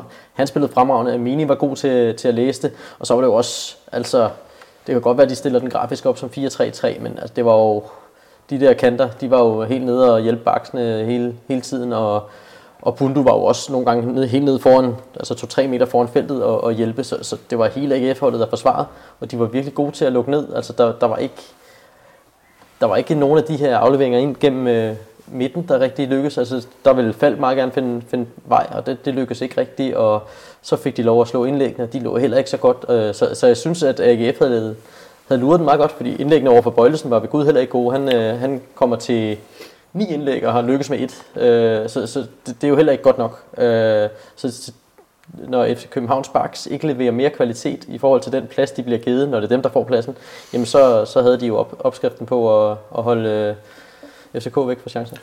Fordi det er, jo, det er jo et relativt stort problem, at man kan stille sig i sådan her blok ind i midten, og så bliver man holdt væk fra, fra chancer. Og der er ikke nogen løb, som vi har jo set Rasmus Fald flere gange gøre, øh, mellem Jamen, der var... bakken og midterforsvaret, tage det her dybe løb fra den centrale midtbane. Men, men, der var ikke nogen dybe løb. Nej, men vi er, jo, vi er jo øh, tilbage til min anke ikke, med, at... Uh, nu siger jeg det, min yndlingsspiller, Seca, som ikke spillede i går, han, øh, han skaber så meget dynamik. Det, det er meget let at se, når, eller ikke meget let, men man lægger mærke til det næste gang, I ser ham spille, specielt live på et stadion, hvor meget han bevæger sig hele tiden, og, og også og har virkelig mange løb uden bold. Og han får så simpelthen jo også sine medspillere til at bevæge sig. Hans bevægelser smitter jo af på de andre. De skal jo også flytte sig så, ikke? så de ikke kommer til at se dumme ud. Og så har du den her konstante øh, flow på fodboldbanen. Og det var der bare overhovedet ikke i går. Og man kan også sige, at Ståle gør måske også en anden fejl, eller i hvert fald udover at starte med Kvist, det er, at du har altså hele, hele vejen op igennem aksen, igennem banen, så har du en ny spiller. Du har en ny spiller i midterforsvaret, du har en ny spiller på midtbanen, og du har en ny spiller i angrebet. Og det var måske heller ikke lige der, du skulle lave de tre øh, nye udskiftninger. Du, ja, måske. måske du skulle have haft Fischer liggende op foran og, i stedet for, ikke? Ja, Benjamin. Øhm, det var mere en, en kommentar i forhold til de her indlæg og deres kvalitet. Altså det man, det man også synes, jeg skal have med i, i, i den her, øh, altså når man taler om dem, det er, hvor mange af de her indlæg, der bliver slået fra positioner, hvor at øh, bakken er relativt presset, eller øh, ikke er spillet fri ved baglinjen og sådan nogle ting. Altså fordi det er også svært at slå gode indlæg, når du ikke ligger det rigtige sted på, på banen, når du ikke bliver spillet igennem, så du er fri og har tid til at slå dem. Ja. Øhm, og især mange af, af, af Peter Ankersens indlæg, altså de ender også med at blive slået, fordi at så har vi spillet lidt rundt op på AGF's banehalvdel, lidt frem og lidt tilbage, og der er ikke rigtig så meget bevægelse, og vi kan ikke komme igennem, og så ender den ude hos Peter Ankersen. Og på et eller andet tidspunkt skal man også forsøge at sende den ind i feltet. Øhm, og så bliver det sådan lidt for langt tilbage på banen, og, og mens der er en, en AGF-spiller på plads, som kan presse ham, som han skal dreje den udenom og sådan nogle ting. Altså, øh, det, er heller ikke, det handler heller ikke kun om indlæggenes kvalitet, det handler også om de situationer, som de bliver slået i. Og vi er simpelthen for dårlige til, når AGF lukker det centrale område, så er vi så for dårlige til at få spillet vores backs fri og spillet helt til baglinjen, øh, når, når vi ikke kan komme gennem midten. Altså det, det hører også med til historien. Det, det er svært at slå indlæg fra de positioner der, og slå dem præcist. Så vi ender i en situation, hvor at, øh, jeg synes også, det er værd at nævne, nu, nu nævner jeg Nikolaj Bøjlesen lidt, men at, at altså, det er ikke kun Peter Ankersen, der ikke kan slå indlæg. Vi har to backs, der i øjeblikket slår nogle altså, dårlige indlæg, og slår mange af dem, fordi vi kommer til mange indlæg, både i Europa og i, i Superliga, men, men der er ikke nogen, der slår gode indlæg. Og så har Peter Ankersen lidt været prygelknap i en periode, men... men han, går, han går lidt fri, den kære Nikolaj Bøjlesen, synes jeg, fordi... Jamen går han for øh, den fri? Nej, eller også er det bare øh, Ankersen, der, der får en, en uforholdsmæssig stor del af kritikken, men jeg synes ikke, der er nogen af dem, der er gode for tiden. Og, øh, øh nu, vi har, altså, den kan vi blive ved med at hive op, men jeg snakket om, om den der kritik af, af Peter Ankersen rigtig, rigtig mange gange. Øh, og der er han måske bare, øh, han, han står lidt hurtigere, eller lidt nemmere for, når, øh, når der skal deles kritik ud, end, end Nikolaj Bøjlesen gør. Og, og sådan er det jo altid på, på et fodboldhold, og det er også fair nok. Der er nogle spillere, der har opbygget lidt mere kredit end andre. Man kan også sige, Øh, Øh, Kodro får enormt meget kritik for at brænde det her straffespark. Havde Fischer fået helt lige så meget kritik for at, at brænde det samme straffespark, fik han helt lige så meget kritik for at brænde det samme straf, eller brænde straffespark mod Horsens. Øh, selvfølgelig er der nogle spillere, der har, der har mere kredit hos fansene end andre. Øh, den har Peter Ankersen ikke så meget af. Jamen, så, så kommer han også til at, at, at lægge øh, ryg til lidt mere kritik. Det samme gælder øh, Kodro kontra Fischer, og, og man kan sikkert finde flere andre eksempler på det samme øh, Kvist Seca, altså øh, hvis vi, hvis vi nu tager øh, et, to nylige situationer, jamen, øh, så, så hørte jeg ikke helt så meget brok over, da øh, Seca hætter en bold direkte ned i fødderne på en, øh, på en Brøndby-spiller i, i derbyet, og de løber ned og scorer midt på banen. Altså, sådan vil det jo altid være, så kan man diskutere, er det færre eller er det ikke, men, men det hører i hvert fald med til historien, og jeg tror også, det er en grund til, at vi, vi snakker mere om Peter Ankersens dårlige indlæg, end vi snakker om Bøjlesen, udover at han så selvfølgelig også slår øh, dobbelt så mange indlæg i alt, i en kamp som i går. Så det er jo også med til at få det til at virke mere markant, når man sidder og kigger på kampen. Men det er i hvert fald voldsomt, at øh, vi har så meget spilovertag, til, og er så meget, øh, hvad hedder det, øh, på bolden og har så mange indlæg, men at de simpelthen er så sindssygt dårlige. Altså. Det, hvis jeg havde noget langt, tror jeg kunne hive i, så ville jeg gøre det. Men så sker der jo det, Kasper Højgaard, at, øh, at vi er så begunstiget i den her fodboldklub, at øh, vi kan hente spillere af Victor Fischers kaliber, så vi skifter Vavro ind, vi går over til en 3-5-2, som jeg nævnte, vi øh, Nicolai Thomsen og faldt centralt. Altså vi har virkelig forsøgt at skubbe alt frem. Ikke? Øh, og så alligevel, da jeg, jeg har lukket den ned, jeg skrev også med dig, Benjamin, vi havde, den var solgt. Den der kamp, den var slut. Vi havde tabt. Altså. Ja, det, det så, jeg sad heller ikke og forventede. Altså det da vi når til omkring 85 minutter, eller hvad det er, der, der følte jeg mig rimelig overbevist om, at Præcis, ikke? der kommer ikke noget udligning. Ud, nogen udligning, prøvede jeg på at sige. Var det samme fornemmelse, I sad med i speakerboksen? Ja, altså... Undskyld, den øh, kom det skidt Jamen, det var, det var den, vi, øh, vi, vi sad med, fordi at, også fordi de her store chancer udblev, så det kan godt være, at Varbro var tæt på på et hovedstød, men det var sådan lidt, så skulle det være et indlæg, der blev, der blev snittet den rigtige vej på et tidspunkt. Ikke? En af de der dage. Ja, jamen det, det var jo en af de dage for FC København, fordi de prøvede og prøvede, og jeg vil også, altså, da jeg siger før, at indskiftningerne ikke lykkes, så, så er det jo de spillere, der kommer på banen, der ikke lykkes. Jeg, jeg, jeg synes egentlig, det, han prøvede jo sådan gradvist at gøre det mere og mere offensivt stålet Solbakken, så det synes jeg egentlig ikke, der var noget forkert i, sådan som, som kampen øh, var. Og så, så er det jo til sidst, at, at man kan, åbenbart godt kan stole på sin, øh, sin gode spiller, fordi øh, der, der dukker han jo op. Fischer, det, døje har faktisk også overblik der, at det er ikke tilfældigt, at han får den skubbet, skubbet hen til Fischer der. Det, det lignede egentlig først, at det var sådan bare en høj bold, som Fischer gik ind til. Når man ser slående nogle gange, så kan man godt se døj, en døje har øje for, for Fischer. Og på den måde bliver det jo et, et lidt bedre mål. Og så når man så kigger endnu mere, så kan man se, at Fischer måske ikke rammer den så rent, som han gerne ville. Men det gør så, at den er, er dejligt flad, og det gør det svært for Jovanovic. Og så, så har man øh, helten, eller det vil Ståle jo ikke kalde ham efter kampen øh, selv, fordi han, øh, han var så rasende over det, det, der var sket i starten af opgøret omkring straffesparket. Men øh, Fischer redder trods alt et point. Redning af et point, Nicolaj, i overtiden i en kamp, som mig og Benjamin havde solgt. Jeg gætter på, at du også havde øh, sendt den kamp til hjørne, hvad jeg vil sige. Mine naboer, de, øh, hvis de lå og sov, så vågnede de i hvert fald. Ja, jeg vil sige, at mine naboer og underbo og dem over på den anden side af gården, de fandt i hvert fald ud af, at vi scorede. Øh, altså, altså, Kasper er inde på, at de, de, de taler om Victor Fischer på redaktionsmøderne, selvfølgelig gør de om det. Altså, det, det er da fuldstændig vanvittigt, hvad den mand han har posteret siden øh, starten af foråret i FC København. Jamen, jamen fuldstændig. Altså, det er jo altså siden han kom til klubben, ikke? Altså det er jo, og det er jo, udover det spillet på banen, så er det jo også hans, øh, hans omgang og hans jovialitet over for sine medspillere og forholdet, altså, altså, og så er han jo øh, Guds gave til pressen, altså han, altså, han er jo en gadedreng, med, der er glad. Altså det, det tror jeg også, øh, Kasper, han, altså interview ham, det er jo bare fedt, for han siger jo noget sjovt, han siger noget, som man kan relatere til, og, og så virker han som, altså han er sikkert også god ved børn, ikke? det, er det, det, det er originalt altid. Ja, og dyr, ikke? Gode, gode ved dyr og børn, ja. Det er altid et godt altså, det, øh, Der er bare noget, som er mere end hvad han gør med en bold, ikke? Og det, det er jo også derfor, vi elsker ham så højt. Og så er der noget ved en helflugter, hvor man kan se ham, der sparker. Han følger bolden hele vejen med øjnene, helt ned til han rammer den med foden, og så siger du, Kasper, han rammer den ikke, som han gerne vil nok, men det er stadig en sindssygt svær afslutning. Det, det er det jo. Det er jo en øh, sindssygt svær detalje, jeg er også, øh, altså der er også, øh, så vidt jeg husker, solidt brøl på mig, da, da han banker den der ind, fordi det, det er jo en helflugter. Det, det, det, det, det, det sagde man godt lavet. Så er det så i slowen, at Lars Jakobsen prøver at pille den lidt fra hinanden, vil jeg sige. sige at han rammer den lidt øh, ude på tæerne, og det, det kan man også godt se, men kan vide, om det var meningen. Det, er i hvert fald, øh, det var i hvert fald præcis sådan, den skulle sparkes. Øh, det var mere end nok til at, at få den ind bag Jovanovic. Og så sådan en jubelscene i hjørnet, ned mod det hjørne, hvor AGF-fansene, øh, de sådan mest syngende larmende, de er blevet placeret nede i hjørnet efterhånden. Hvor jeg tror, han prøvede at glide på knæene, men banen var knækstør, selvom han var blevet vandet. Den var han... sandet helt vildt. De havde, de havde, de, de, der skal jo spilles landskampe på, øh, på arenaen. Øh, og det er egentlig det, som de prøver at, at gøre banen klar til, så den, den var ikke særlig god i går banen. Den, den var fyldt med sand. Det, det bliver flot, sort. flot landskamp, så kan de spille golf nede ja, nu, nu sad vi jo øh, i, i fredags og talte om, at øh, jeg ved, om, om de kunne finde på at, at lade være med at, at vande banen og alle de her ting. Så var der sådan noget regn og alt muligt, der gjorde, at det ligesom gav sig selv. Og, Men nu, nu har de så åbenbart bare hældt sand på den i stedet for. I, I hvert fald så kan man sige, at det er jo ikke ligefrem noget, der, der fordrer den måde, vi gerne vil spille fodbold på. Men, men en, en, en fed jubelscene fra, fra Fischer, der også lige får sat to hænder bag ørerne ud til, til AGF-fans, som han løber ud imod. Der kunne man så læse på, på FCK.dk efterfølgende. Jeg kunne ikke høre det på tv, men øh, I åbenbart øh, brugte det meste af kampen på at, at stå og synge, at Victor Fischer han skulle slås ihjel. Øh, ja, det kan man jo så mene om. Er det? Så, det så, en i, smule på så i Odense var han homoseksuel, det var åbenbart et problem, og nu skulle han så slås ihjel i Aarhus. Øh, det, det kan vi så øh, grine lidt af fra her- herindefra, og vi kan da også bare konstatere, at Victor Fischer han øh, tager det med rimelig stor skro og udtaler til FCK.dk, at øh, "Nå, men det er jo bare med til at sætte mig yderligere op. Øh, apropos, som Nicolai var inde på, at hans øh, håndtering af pressen og så videre, det tager han meget, øh, meget stille og roligt.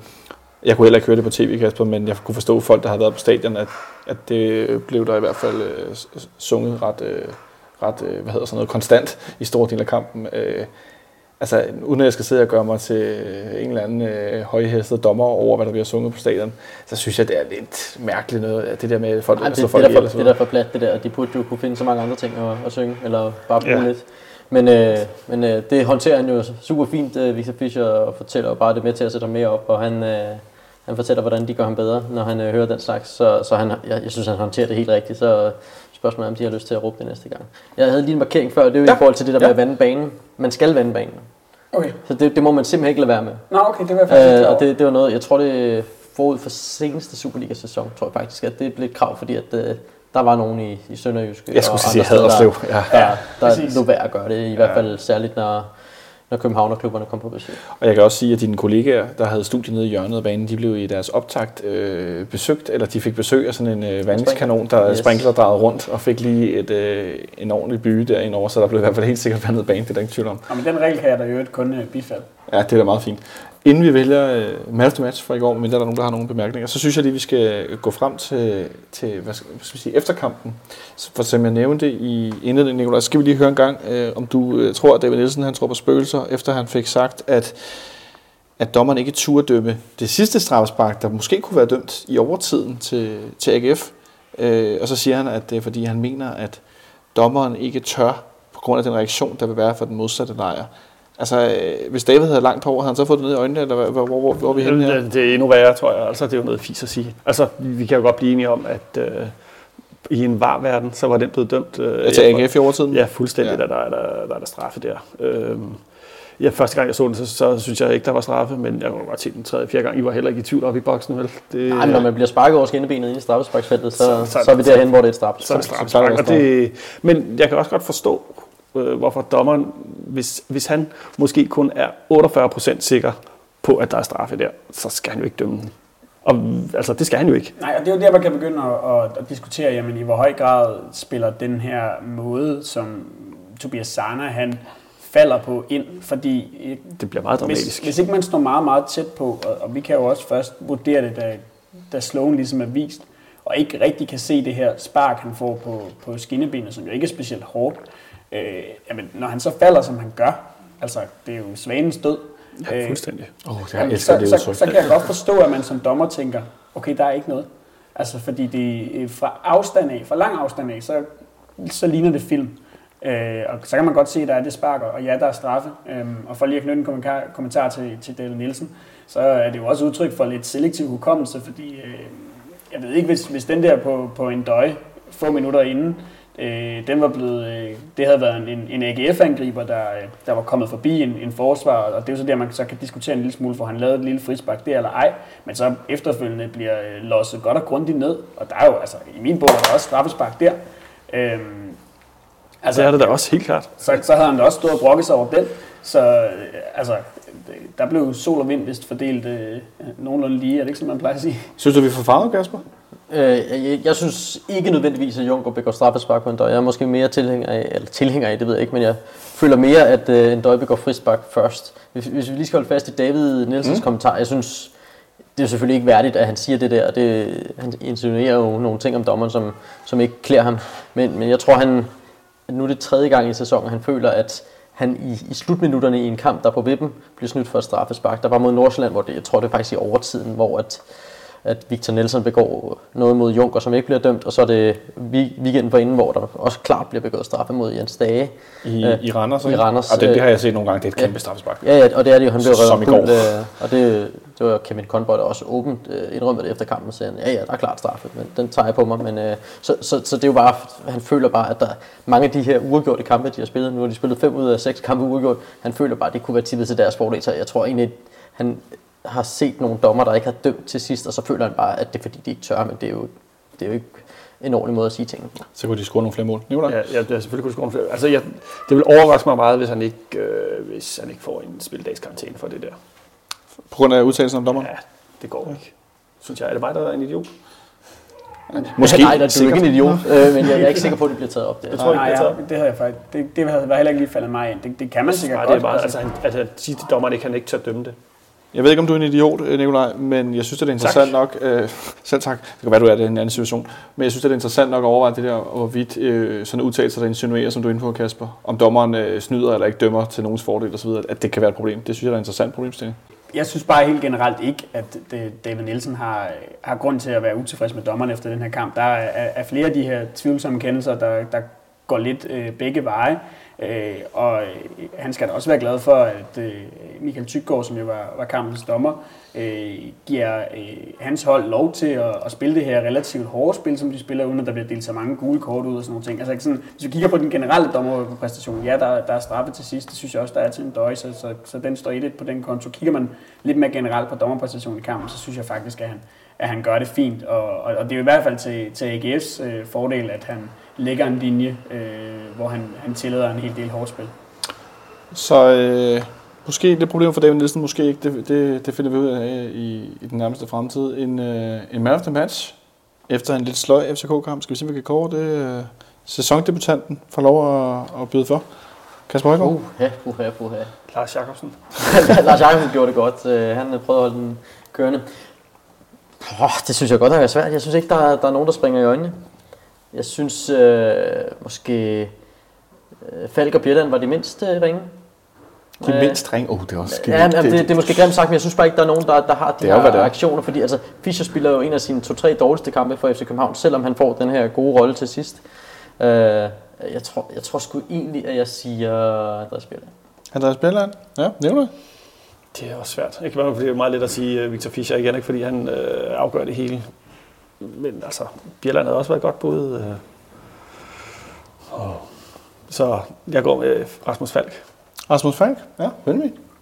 Jeg, øh, jeg er også på Bjelland. Øhm, nu har vi ikke, nu har vi ikke talt så meget øh, om ham, øh, og i en, i en præstation, hvor... There you go. en generel præstation for, for holdet, hvor, øh, hvor der er mange, hvor man kan tale om, at de, de ikke spillede godt, jamen så, så, så er det vel næsten ros til Bjelland i sig selv, at vi ikke rigtig har hævet fra, ham frem. Jeg synes i langt størstedelen af kampen, men han, han gør sådan sit individuelle arbejde ret godt. Han, han er fin i opspillet, han holder, han holder spillet godt i gang, øh, mister ikke så mange bolde, han vinder sine dueller. Øh, han er ikke så øh, impliceret som en af de meget, meget få i, øh, i AGF's øh, mål, selvom han, han selvfølgelig løber der ind i midten med, øh, jeg kan ikke huske om det er Juleskov eller hvem der, der kommer med frem. Ah. Øh, men han, han kan jo ikke gøre noget der, så jeg, jeg synes, han spiller en, en, en okay kamp på, i en generelt sløj holdpræstation. Jeg er egentlig helt enig. Jeg ved ikke, hvorfor jeg tog Rasmus Falk, men øh, Nej.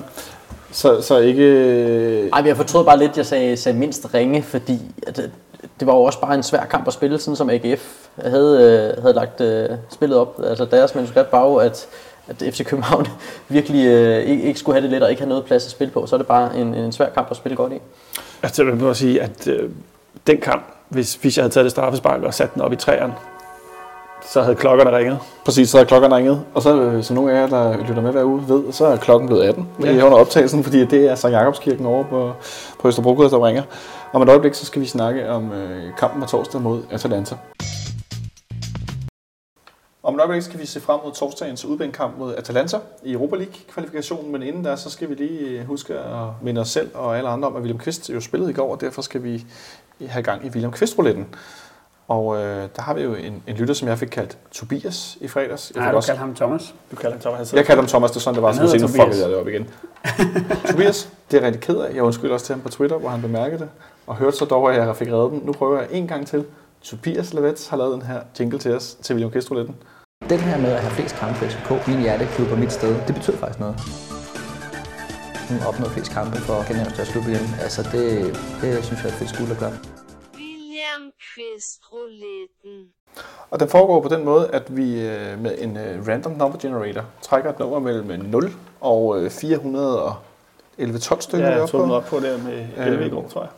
Og der har vi trukket, øh, den har givet kamp nummer 170. Og så går vi på Nipselstat og finder alle William Kvistes kampe. Og nummer 170, det er den 22. i 3. 2009. Vi spiller Superliga i, i, øh, i parken mod OB, og vi vinder 2-1. Nikolaj Folkvars er dommer, en gammel Superliga-klassiker. Vi vinder 2-1. Atiba Hutchinson udligner efter at Esben Rød har scoret til, til 1-0, og så scorer Morten Nordstrand til 2-1 til sidst i kampen. Er der nogen af jer, der sådan umiddelbart kan huske den her kamp? Nej, Nej. Det må sige, den, den, den, den taber så lidt i det. det kan jeg overhovedet Men. Det kan jeg. er i 2009, så er vi jo i OB's storhedstid også. Lige præcis. Og det, det er faktisk, er det ikke, øh, er vi måske der, hvor det var OB, der lå nummer et ved Yes. årsskiftet? Ja. Det er nemlig en meget, meget øh, tæt kamp, i, i, i, hvor at OB er med i lange dele af kampen, indtil øh, Nordstrand scorer det efter 83 minutter. Han scorer øh, til 2-1 nede mod øh, B-tribunen, hvor bolden så bliver vippet op. Øh, og faktisk så scorer han et mål, der minder lidt om det, Victor Fischer scorede i går, for det skal være løgn. Sådan en, en flad helt flugter. Øh, og i en periode, hvor Morten Nordstrand har været øh, sådan ude af holdet og sådan noget, og så får han scoret det her afgørende mål. Øh, og det var, så står der her som note, kampen var Ståle Sobangens Superliga-kamp nummer 100 som træner for FC København.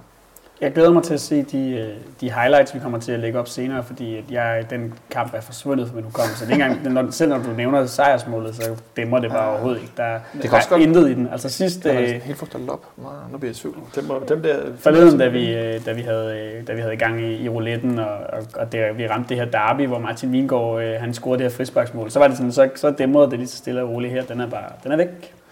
Nej, men det sker jo for en del kampe en gang imellem. Ja, jeg skulle sige, jeg kan ikke huske, hvornår min familie har fødselsdag, men jeg kan huske, når Morten Nordstrand skal over til 2 på OB. Det kan man så tænke lidt over, jeg håber, eller jeg ved, de ikke lytter med. Tak for det. Nå, på torsdag skal vi møde uh, Atalanta. Europa League-kvalifikationen. Uh, Kasper Højgaard, skal du uh, komme til at fodbold? Jeg skal kommentere øh, en kamp i Belgien, så jeg rejser øh, torsdag morgen afsted, øh, hvor Genk møder et hold ude på Vestegnen. Bevares. Jeg ved ikke, om man må nævne dem. Nå, det må du gerne. Nå, okay, jo, fint. jo, jo, det er sådan, som de spillede i går, så kan vi godt tale om, dem i fem minutter. Det, Så, det gør mig øh, ikke noget. Hvem skal være medkommentator? Det skal øh, Morten Bro. Morgenbro. Og det bliver da hyggeligt. Stærkt hold. Ja. Det Jeg har satser. ikke... Benjamin, har du været i Genk? Nej, Nej, jeg skulle sige, at de fleste har måske været i Brygge eller Bruxelles. eller noget af den kan jeg svare meget klart nej til. Jeg har ikke Ja. været i Genk. Øh, skal du til Atalanta? Eller til, ikke Atalanta, men til heller ikke Bergamo, hvor de egentlig hører til, men til Reggio I- Emilia? Nej, hvor, det, at, øh, det, skal det skal jeg desværre ikke. Nej, Øhm, hvor vi jo har konstateret, at øh, Sassuolo spiller på Mapai Stadium, hvor vi skal møde dem. Øh, et, et, øh, et hold, som jeg øh, blev spurgt øh, forleden, om der var nogen, der kunne nævne fem Atalanta-spillere sådan lige for hoften, og det var der ikke rigtig nogen af os, der kunne. Øh, det er svært, og der bliver, skulle sige, der bliver rystet her rundt om, på hovedet her under bordet, fordi at selvom vi jo godt ved, at vores, vores gamle ven, Andreas Cornelius, spiller der og så videre, så er det jo ikke, øh, altså, det er jo ikke sådan en klub, hvor man alle mulige traditioner, og nej, at de har vundet dit og dat, og vi kender alle dem her og sådan noget. Øh, det gør det vel også lidt, øh, lidt sværere for, for, for nogle af vores spillere måske at, at skulle identificere sig med den her hurdle, der kommer hen over, at de er rigtig gode, men at det ikke er noget, man kan sådan, på den måde genkende til. nej, altså det er jo et... Øh, så meget Serie A ser jeg ikke, men jeg føler trods alt med til, til, nok med til at vide, at de, har, at de har haft et par gode sæsoner, hvor de er, er endt lige sådan uden for, for den umiddelbare top, og det er jo også øh, grunden til, at, at de er, er, både var med i Europa League i sidste sæson, og, og er med igen i år også. Øh, men, men det er jo sådan et hold, som ikke har de der store stjernespillere, som der jo ellers er en hel del af i, i, i Serie A, men, men ikke, ikke rigtig hos, hos Atalanta. Øhm, og det vil sige, at hvis ikke man følger Serie A tæt, og hvis ikke man følger Atalanta tæt, jamen så bliver de jo, der bliver det jo en lille smule sværere øh, at, at, at bedømme, men, men, men vi ved, at de er et rigtig godt hold. Vi ved, at vi skal, øh, vi skal derned til, til, hvad der formentlig bliver en, en rigtig, rigtig svær kamp. Man kan håbe, at, øh, at det kan være lidt til vores fordel, at de ikke spiller på deres sædvanlige hjemmebane, og det kan, kan hindre hjemmeholdets opbakning lidt, men altså, nu, er jeg ikke den, der tror på, at, at, at sådan noget ligefrem gør udslaget for, øh, hvad kan man sige, sådan ændre ved en fodboldkamp på hovedet. Øh, så det bliver, det, det bliver rigtig, rigtig svært, og øh, det er også en kamp, hvor det her øh, FCK-hold, kan man sige, bliver, bliver testet på en lidt anden måde, end, eller på en ny måde i hvert fald, end det er blevet helt til. Fordi nu har vi sådan siddet og snakket rigtig meget om, øh, om, vores, øh, om vores offensiv, og vi måske har begyndt at spille på en ny måde, og det her bliver jo første gang, hvor vi formentlig skal ned og spille en rigtig klassisk FCK i øh, Europa udebanekamp, hvor at der skal stås helt tæt imellem kæderne, øhm, og så skal der satses formentlig mere eller mindre udelukkende på at, at tro modstanderen på kontraangreb, for jeg tror, det bliver en kamp, hvor Atalanta kommer til at være rigtig, rigtig meget på bolden, og så skal vi forsvare. Øh, og det bliver spændende at se, om, om det her hold også kan magte den opgave. Ja, Kasper, for Benjamin er jo fuldstændig inde på det rigtige, at vi er gode den her sæson ved at have mange offensive spillere på banen og have meget boldbesiddelse. Tror du, at øh, truppen er i en situation, hvor vi kan omstille os til det modsatte? Ja, det, det er jeg egentlig ikke så nervøs for på, på FC Københavns vej. Jeg er egentlig okay optimistisk, selvom øh, at Atalanta må stå som, som favoritter, øh, måske rimelig klare favoritter til at gå videre sammenlagt, så, så synes jeg egentlig, at jeg har set øh, europæisk klasse fra, fra FC København i den her sæson, både i, i Brøndby-kampen også, så skal man ikke undervurdere øh, den bulgarske modstander, som blev, blev overkommet. Så kan det godt være, at man havde held med et øh, offside-mål. Det kan være, at man havde held med et rødt kort, men, men to gange øh, 2-1 over et hold, som er ubesejret i Bulgarien. Nu ved jeg ikke, om de tabte til Ludogorets til weekend. Det er jeg også ligeglad med. Men, men det var et, et hold, som er super godt kørende med ny træner, masser af selvtillid. Øh, og som egentlig er på FC Københavns øh, højde. Så, så jeg synes, at, at der har været nogle beviser også i formkurven, Så kan vi måske tage kampen i går øh, lidt til side på, at, øh, at de sagtens kan, kan byde Atalanta op til dans. De blev nummer 7 i de serie i sidste sæson, blev nummer 4 den foregående, hvor de så var uheldige, og det kun var de tre øverste, der kom ind i Champions League-feltet. Øh, så, så, så de har jo i, i to år i træk med en rigtig rutineret træner, Gasperini, øh, bevist, at, at det er et hold, man kan regne med i, i hvert fald i den bedste halvdel i Italien, og så, så har de jo hentet masser af spillere i, her i sommer, øh, som øh, får beløb, som er højere end det, som FC København øh, Det må man sige. øh, normalt køber spillere for. Og det er altså, vi snakker en otte spillere, de har købt for, hvor det er fra 4 millioner euro og op. Altså, så, så, så de er de er i et andet sted end FC København, så der er ingen tvivl om, at italienerne er favoritter. Nikolaj, hvad, hvad forventer du der af kampen, udover som Benjamin øh, og Kasper er inde på, at vi skal ned og stå lidt mere defensivt, men at der er lidt tro på det. Er du også relativt optimist? Nej, øh, relativt optimist er jeg måske ikke. Altså, øh, vi skal jo spille vores muligheder øh, dernede, øh, og det vi, hold, holdet, altså FCK bliver bare testet på, på, på max nu, ikke? Altså, hvor, hvor langt er vi henne, det får vi, det får vi klokkeklart svar på. Kan vi, kan vi spille europæisk nu med det hold, vi har? Er vi gode nok til at spille på det niveau? Fordi det er jo det, altså det havde været en drøm at skulle møde dem her i, øh, i gruppespillet, ikke? Det havde været sindssygt sjovt, fordi så har havde været sådan lidt mere, okay, hey, hey, ikke? Men det, det er en vigtig kamp, og det betyder også, at, at det er en kamp, som Atalanta ser, ser som vigtig, ikke? Øhm, de spiller vel så deres første kamp øh, i sæsonen i aften, tror jeg, ikke? De, spiller mod- de har lidt, øh, lidt kortere tilløbstid. Men altså, jeg tror jo, jeg håber, vi nøjes, vi kan få en uafgjort med der hjem dernede fra. Øh, men ellers så vil jeg håbe et bare et enkelt måls nederlag. Ikke? Men bliver spændende at se. Altså, jeg så på Transfermarkt, at deres trup er vurderet til en milliard. altså, det er ikke bare noget sådan noget, det er Ja, det er 26 millioner euro. Ikke? Det er jo, Det er lidt noget andet end vores truppe i hvert fald. Benjamin, er, er du på samme niveau som Nikolaj i forhold til at håbe på en ugegjort, eller måske et enkelt mål nederlag? Er det, er det der, vi skal, vi skal ramme skiven? Ja, altså jeg, jeg, jeg tror, man skyder lidt over målet, hvis man, hvis man både håber og, og forventer på sejr. Selvfølgelig gør man altid det, man sådan et, et, et, håber i mere sådan realistisk øh, perspektiv. Men, øh, men ja, en, altså en uafgjort ville være perfekt, og ellers øh, altså bare et, i anførselstegn et, et udbanemål øh, vil bringe os rigtig langt, fordi øh, jeg håber på, at, at vi trods alt øh, i, i returkampen, øh, og, og nu krydser jeg fingre for, at, at, at der, der er masser at spille om, når, øh, når, når vi skal tage hul på den, og det, og, det tror jeg så trods alt også på. Men der håber jeg på, at vi, at vi, kan, at vi kan lave det her tryk, øh, som, Ja. som vi før har set os kunne gøre på hjemmebane, også mod modstandere, som har meget dyre trupper og en del bedre spillere, end vi har. Øhm, så, så det handler om at, at få noget med, der kan bruges. Altså et, et, et 2-1-nederlag vil heller ikke være nogen katastrofe overhovedet, fordi så har vi det her udebanemål, som, som, kan, som kan vise sig at, at blive afgørende i sidste ende, fordi vi så ikke skal, skal øh, hvad kan man sige, ikke er tvunget helt lige så langt frem på hjemmebane. Øhm, jeg, jeg, jeg synes, det er svært at vurdere, også øh, uden at, at, at skulle forfalde til øh, tomme klichéer og, og alle sådan nogle ting. Og det, det handler jo om, at, at, at jeg ved for lidt om, om, om Atalanta, for nu bare at sige. Jeg kan så sige som en, der følger bare en lille smule med i Serie at det er jo et hold, som ynder at spille med en stor centerangriber, hvilket også var en af årsagerne til, at de hentede Andreas Cornelius. De har så skilt sig af med den anden store unge italienske centerangriber, Britannia, som de har sendt videre. Men så har de en ung fyr, der hedder Musa Barrow, som spiller med det meget flotte nummer 99, som er en ung, øh, stor øh, afrikansk angriber. det er ligesom ham, der holder Cornelius ude. Ikke? Præcis for Gambia. Øh, Det forhindrede sig ikke Cornelius i at score øh, forleden. De har også en, der hedder Zapata, øh, kolumbiansk. Jeg er ikke sikker på, at han var med til VM, men han er inde omkring landsholdet. Som, Øh, som de har lejet i Sampdoria. ja, lige præcis, og har, Har købsoption på. Ham har de lejet, altså har de lejet, øh, øh, hvad hedder det, ungt øh, talent fra Chelsea, Mario Pasadic, og så en øh, offensiv argentiner, øh, sådan en centralmidt, som hedder Regioni. som Han de er, han er mere kantspiller. Han er virkelig Han er mere god. Han spillede for Zenit sidste år, og der kommenterede jeg med et par gange. Øh, det med Rosenborg, han lavede blandt andet hat i en kamp mod Rosenborg. Han, han er virkelig god. Så luk lige Kaspers mikrofon øh. Ja, i, der, Ham der, har, der, de lige hentet, ikke? har man Ja, lige hentet, hentet, øh, så, så han får måske debut i dag øh, øh, mod Atalanta. Frosinone. De spiller jeg kl. 20.30 mod Frosinone her. Yes. Øh, så så øh, alt andet end lige, som Nicolai er inde på, noget andet værdi, og nogle lidt, altså folk der spurgte, skulle have træk i Europa League og så videre. Øh, ja, Benjamin. Ja, og så er, er det jo en kamp, øh, lidt som, som Ingemann var, var inde på det her med, at øh, den måde, vores hold bliver testet på, altså det, det gør de enkelte spillere jo også. Vi sad og så talte lidt om det i, i den seneste udsendelse, at øh, jamen, vi snakkede det her med, nej, hvor, hvor god er en døje i forhold til, da han forlod os og alle de her ting. Og det er jo, det er jo sådan noget, vi får at se altså på, på udbanen i, i, øh, i Italien mod Atalanta. Jamen, hvad er det egentlig så en døje kan? Altså, hvor god er han? Fordi en ting er at gøre det her i Superligaen, det er jo noget helt andet at gøre det europæisk.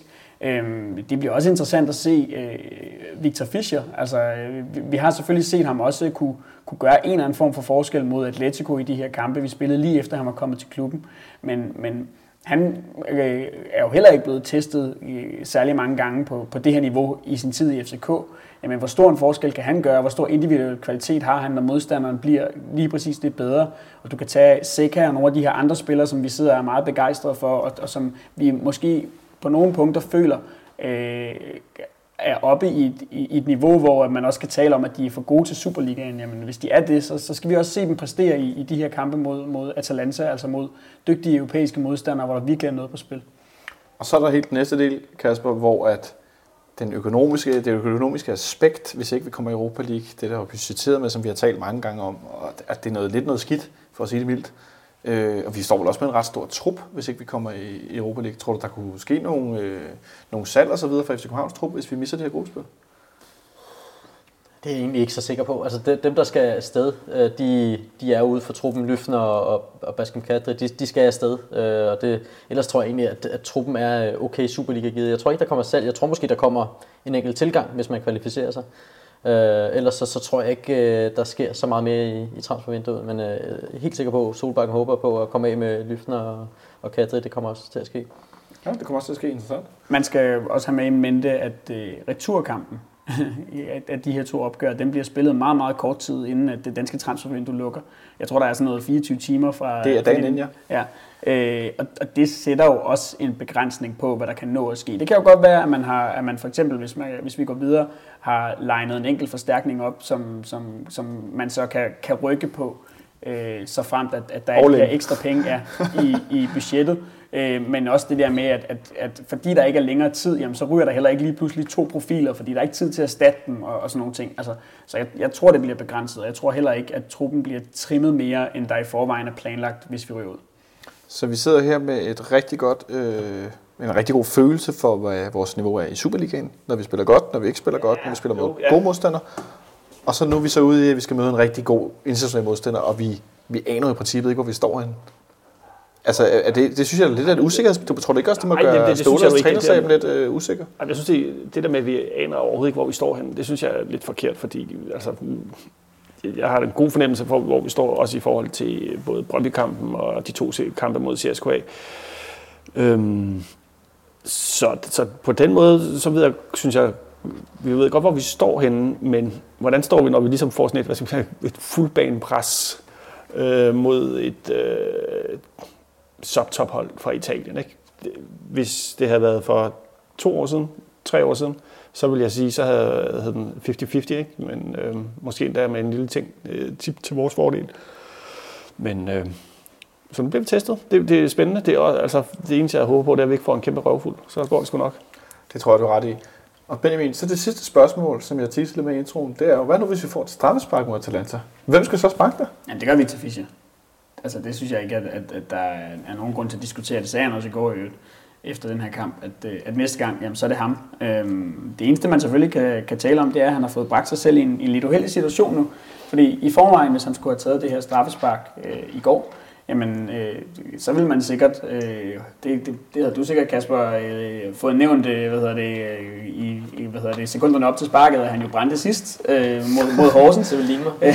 Næste gang, at, øh, næste gang at, der, at der så kommer sådan et, øh, et, et straffespark, øh, måske endda bliver begået mod ham selv, jamen så, øh, så vil man udover, at man, man kan sige, at Victor Fischer brændte sidste gang, han sparkede, øh, så kan man også sige, at sidste gang han fik et straffe, der nægtede han så at sparke det. Altså, så han har jo i hvert fald fået skabt noget pres på sig selv nu, næste gang, at han skal, skal sparke for 11 meter pletten. Øhm, og så vil jeg jo ikke godt lige, når, når vi nu er ved det, lige knytte en kommentar til det her med, at, at hvis, hvis grunden til, at Victor Fischer ikke vil sparke det straffespark i går, var, at det er blevet begået mod ham selv, så synes jeg, det er temmelig fjollet. Øh, fordi det er, jo, det er jo ren og skær overtro, det her med, at for når en straffe bliver begået mod en spiller, så må den her spiller øh, ikke, ikke selv tage det. Altså det, det, det, synes jeg, det synes jeg er mærkeligt. Hvis det, hvis det er det, der er, er årsagen, og det er der noget, der tyder på, så, så synes jeg, det er lidt spøjst. Det er meget øh, pragmatisk. Øh, Jeg, jeg tror simpelthen, han har misforstået aftalen, fordi jeg tror, aftalen er, at hvis det bliver begået mod ham, så skal han ikke sparke. Øh, eller mod øh, Brøndby, hvor Robert Skov sparker. Men der bliver han jo flækket. Mm. Og, og det er jo det, Stole, Stolebanken så også siger, i, hvert fald i vores studie, sikkert også til en masse andre journalister efter kampen, at her har vi spillet 5 minutter. Han får et lille puff i ryggen. Selvfølgelig er han øh, klar til at sparke det der straffespark. Og det, og det er jo den øh, nuance, som jeg tror, Vi- Victor Fischer simpelthen ikke har fanget i den aftale, der er lavet. Jamen det, det kan også sagtens være, det er det der forklaring, man kan også sige, lige netop det her straffespark i Brøndby, som du, øh, som, du, som du selv nævner, der siger Victor Fischer jo faktisk også efterfølgende, at det er fordi, at han har slået foden og ligger og ømmer sig og sådan nogle ting. Det er nok bedst, at jeg ikke tager det. Ja, det vil jeg også sige. Altså, det, det er måske ikke så meget overtro, men det er måske også nogle gange det der med, at du har fået et ordentligt los i bollerne, eller et eller andet, som måske ikke lige har lyst til at løbe til bolden, eller bare sådan lidt, hey, jeg er stadig svimmelagtig, eller jeg siger tredobbelt, måske skal jeg ikke sparke. Ja, det er bare ikke tilfældet her jo. Nej, præcis. Så det, så, men det var bare sådan for at lave sådan en generel i med, at øh, bare fordi straffesparket er begået mod dig, så skal du ikke sparke. Men der er også en helt klart overtro. Det vil jeg altid selv være sådan, hvis du står på det. Åh, det blev begået mod ham. Nej, nej, jeg må ikke sparke. Nej, nej, nej, sparke. Jeg ved, det går galt. Det lyder som, at man gør i skolegården. hvor, øh, hvor defensivt tror vi stiller op øh, på, på midtbanen, Benjamin? Jamen, det har jeg været lidt i tvivl om. Altså, nu må vi jo øh, krydse alt, hvad der krydses kan, for at øh, Seca, han når at blive fuldstændig fit. Øh, det lød dog som om, at, øh, at det tog Ståle nogenlunde roligt. Øh, så lad os satse på det. Øh, så spiller han derinde, og så, så synes jeg, det bliver virkelig spændende at se, om, om han tør gå med, med Rasmus Falk derinde i sådan en kamp her. Øh, det kunne også godt blive en kamp, øh, som kunne gå helt hen og komme til at hedde øh, kvist. Øh, og så spille med to sekser. Øh, altså, jeg, jeg, jeg ved ikke helt, hvad jeg, hvad jeg synes om den tanke, men, men jeg, ved, jeg ved bare, at jeg har tænkt den, og hvor sandsynligt det så er, det, det er jeg lidt i tvivl om. Jeg, jeg tror egentlig, jeg håber, og nok også tror mest på, at han vil, nu sad vi herinde i, i øh, sidste gang og talte rigtig meget om det her med, at, at Ståle han har fundet sin idealopstilling. Jeg, jeg, jeg tror, han kommer til at gå med den, og det betyder Rasmus Falk inde på den centrale midtbane, også i den her kamp. Nu, nu blev han testet mod Brøndby, og den, den bestod han, og så, så tror jeg, at man tror nok på ham til, at, til også at gøre det nu. Er du med på den der offensive vogn? Jeg synes jo ikke, det er specielt offensivt. Rasmus Falk bliver undervurderet. Hans, hans defensive styrker bliver undervurderet. Øhm, jeg, jeg synes, det er fint. Jeg, jeg, vil, jeg vil også foretrække Rasmus Falk derinde øh, sammen med Sækker. Det er en proven goalgetter, skulle jeg til at sige. Proven uh, start formation. Ja. Kasper, er vi for optimistiske i forhold til offensivt udtryk? Øhm, som jeg forstod Ståle Solbakken i vores studie i går, øh, så får han sagt, at øh, Jan Greves skal starte. Det, det, det virker som om, han sagde det lige ud. Øh, og så, øh, så bliver det jo en lidt anden midtbanekonstellation, og så kan man være i tvivl om, om Fald skal ind centralt foran øh, Gregus og Seca, eller om øh, Fald skal spille en af kanterne. For jeg tror, Fald kommer til at starte kampen, det er jeg faktisk ikke i tvivl om. Øh, og det gør Fischer og Ndøj også, og så må, må Skov og Thomsen øh, slås om den sidste plads. Nu er jeg ikke så forfærdeligt velbevandret i, i norsk, øh, men, men jeg, jeg sad også og så nedtakten, og øh, øh, altså, jeg forstod det bare. Jeg ved godt, han siger sådan noget, han siger på torsdag, men, men jeg er lidt i tvivl om, sådan, om, om, om det, han i virkeligheden refererer til, fordi det er jo i forbindelse med det her med, med, med rotation på midten og sådan nogle ting, om han i virkeligheden refererer tilbage til kampen, altså i torsdag, som man vil sige på dansk. Ah. Øh, det, det var i hvert fald sådan, jeg endte med at forstå den. Så, Det var sådan også jeg forstod det. Ja, Okay, så, så jeg er det skal ikke helt måske sikker- lige høres igen. Ja, så jeg er ikke helt sikker på, at han, at han faktisk mener, at han, øh, at han starter på torsdag. Jeg tror, han, han taler om kampen i... Øh, synes Ja. nemlig, han nævnte det der med de 80 minutter. Ja. Og det, gav ikke, det tænkte jeg, skal, han- siger jo ikke, at han skal spille 80 minutter på torsdag. nej, netop. Og jeg var lidt øh, forvirret, og så tror jeg, Ja, jeg men han spiller jo heller ikke 80 minutter mod CSKA, der bliver han taget ud efter en time eller sådan noget. Men øh, ja, øh, Det er spændende. Altså, vi, vi plejer jeg, jeg vil godt trække i land, hvis øh, jeg ikke øh, har, øh, har forstået norsk nok. Men jeg er ikke i tvivl om Falk starter, men jeg er i tvivl om, hvilken rolle han får. Vi plejer ellers at bryste os af at vi godt forstår, hvad Ståle siger, og ikke griner hånligt, men peger lidt fingre af folk, der, ah, han taler norsk, vi forstår det ikke. Det gør vi. Ja, men jeg måtte også ligesom, øh, ligesom lave den der... Først forstod jeg det nemlig også som, på samme måde, som Kasper siger.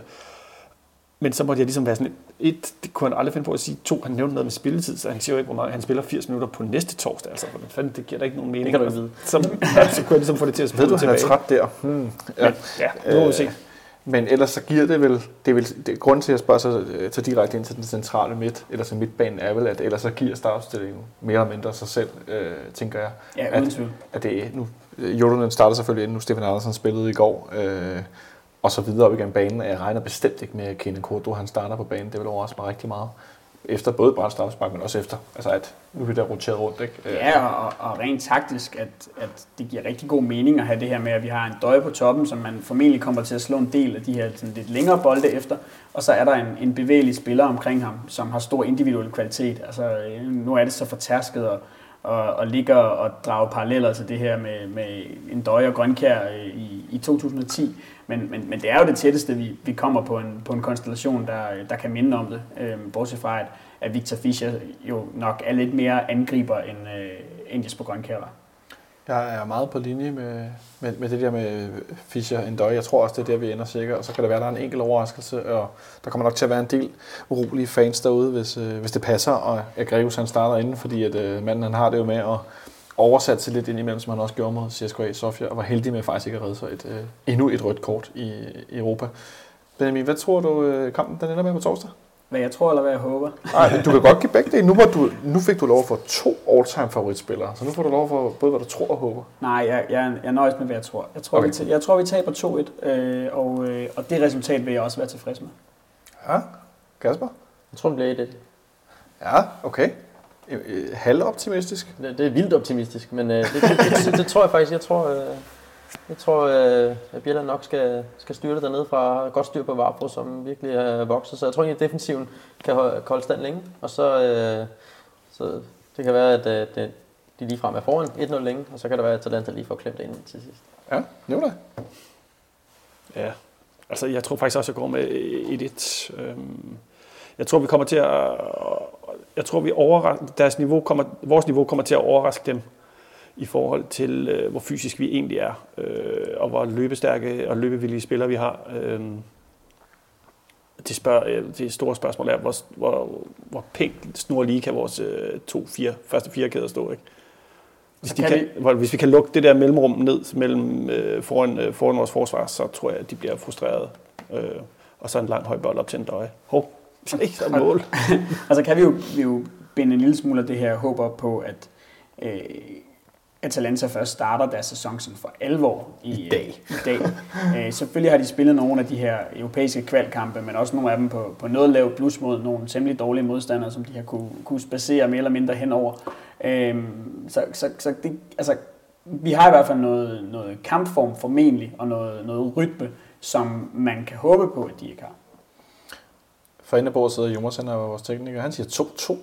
Hold da op, så er der over 2,5 mål. Dem har vi ikke så mange kampe af i øjeblikket. Øh, jeg tror, vi taber 2-0. Øh, jeg, jeg tror, at specielt deres offensiv, det har meget det der klassiske med, at de har så meget niveau, så hvis de lige rammer hinanden tre gange, så kan vi ikke følge med. Øh, Det desværre. kan sagtens tænkes. Øh, de har altså nogle offensivspillere, der vil frem i verden. Deres anfører specielt, øh, Papu Gomes, han er med nummer 10, han er, Alejandro Gomes, som han bliver kaldt Papu, han er virkelig, virkelig god. En lille, hurtig spiller.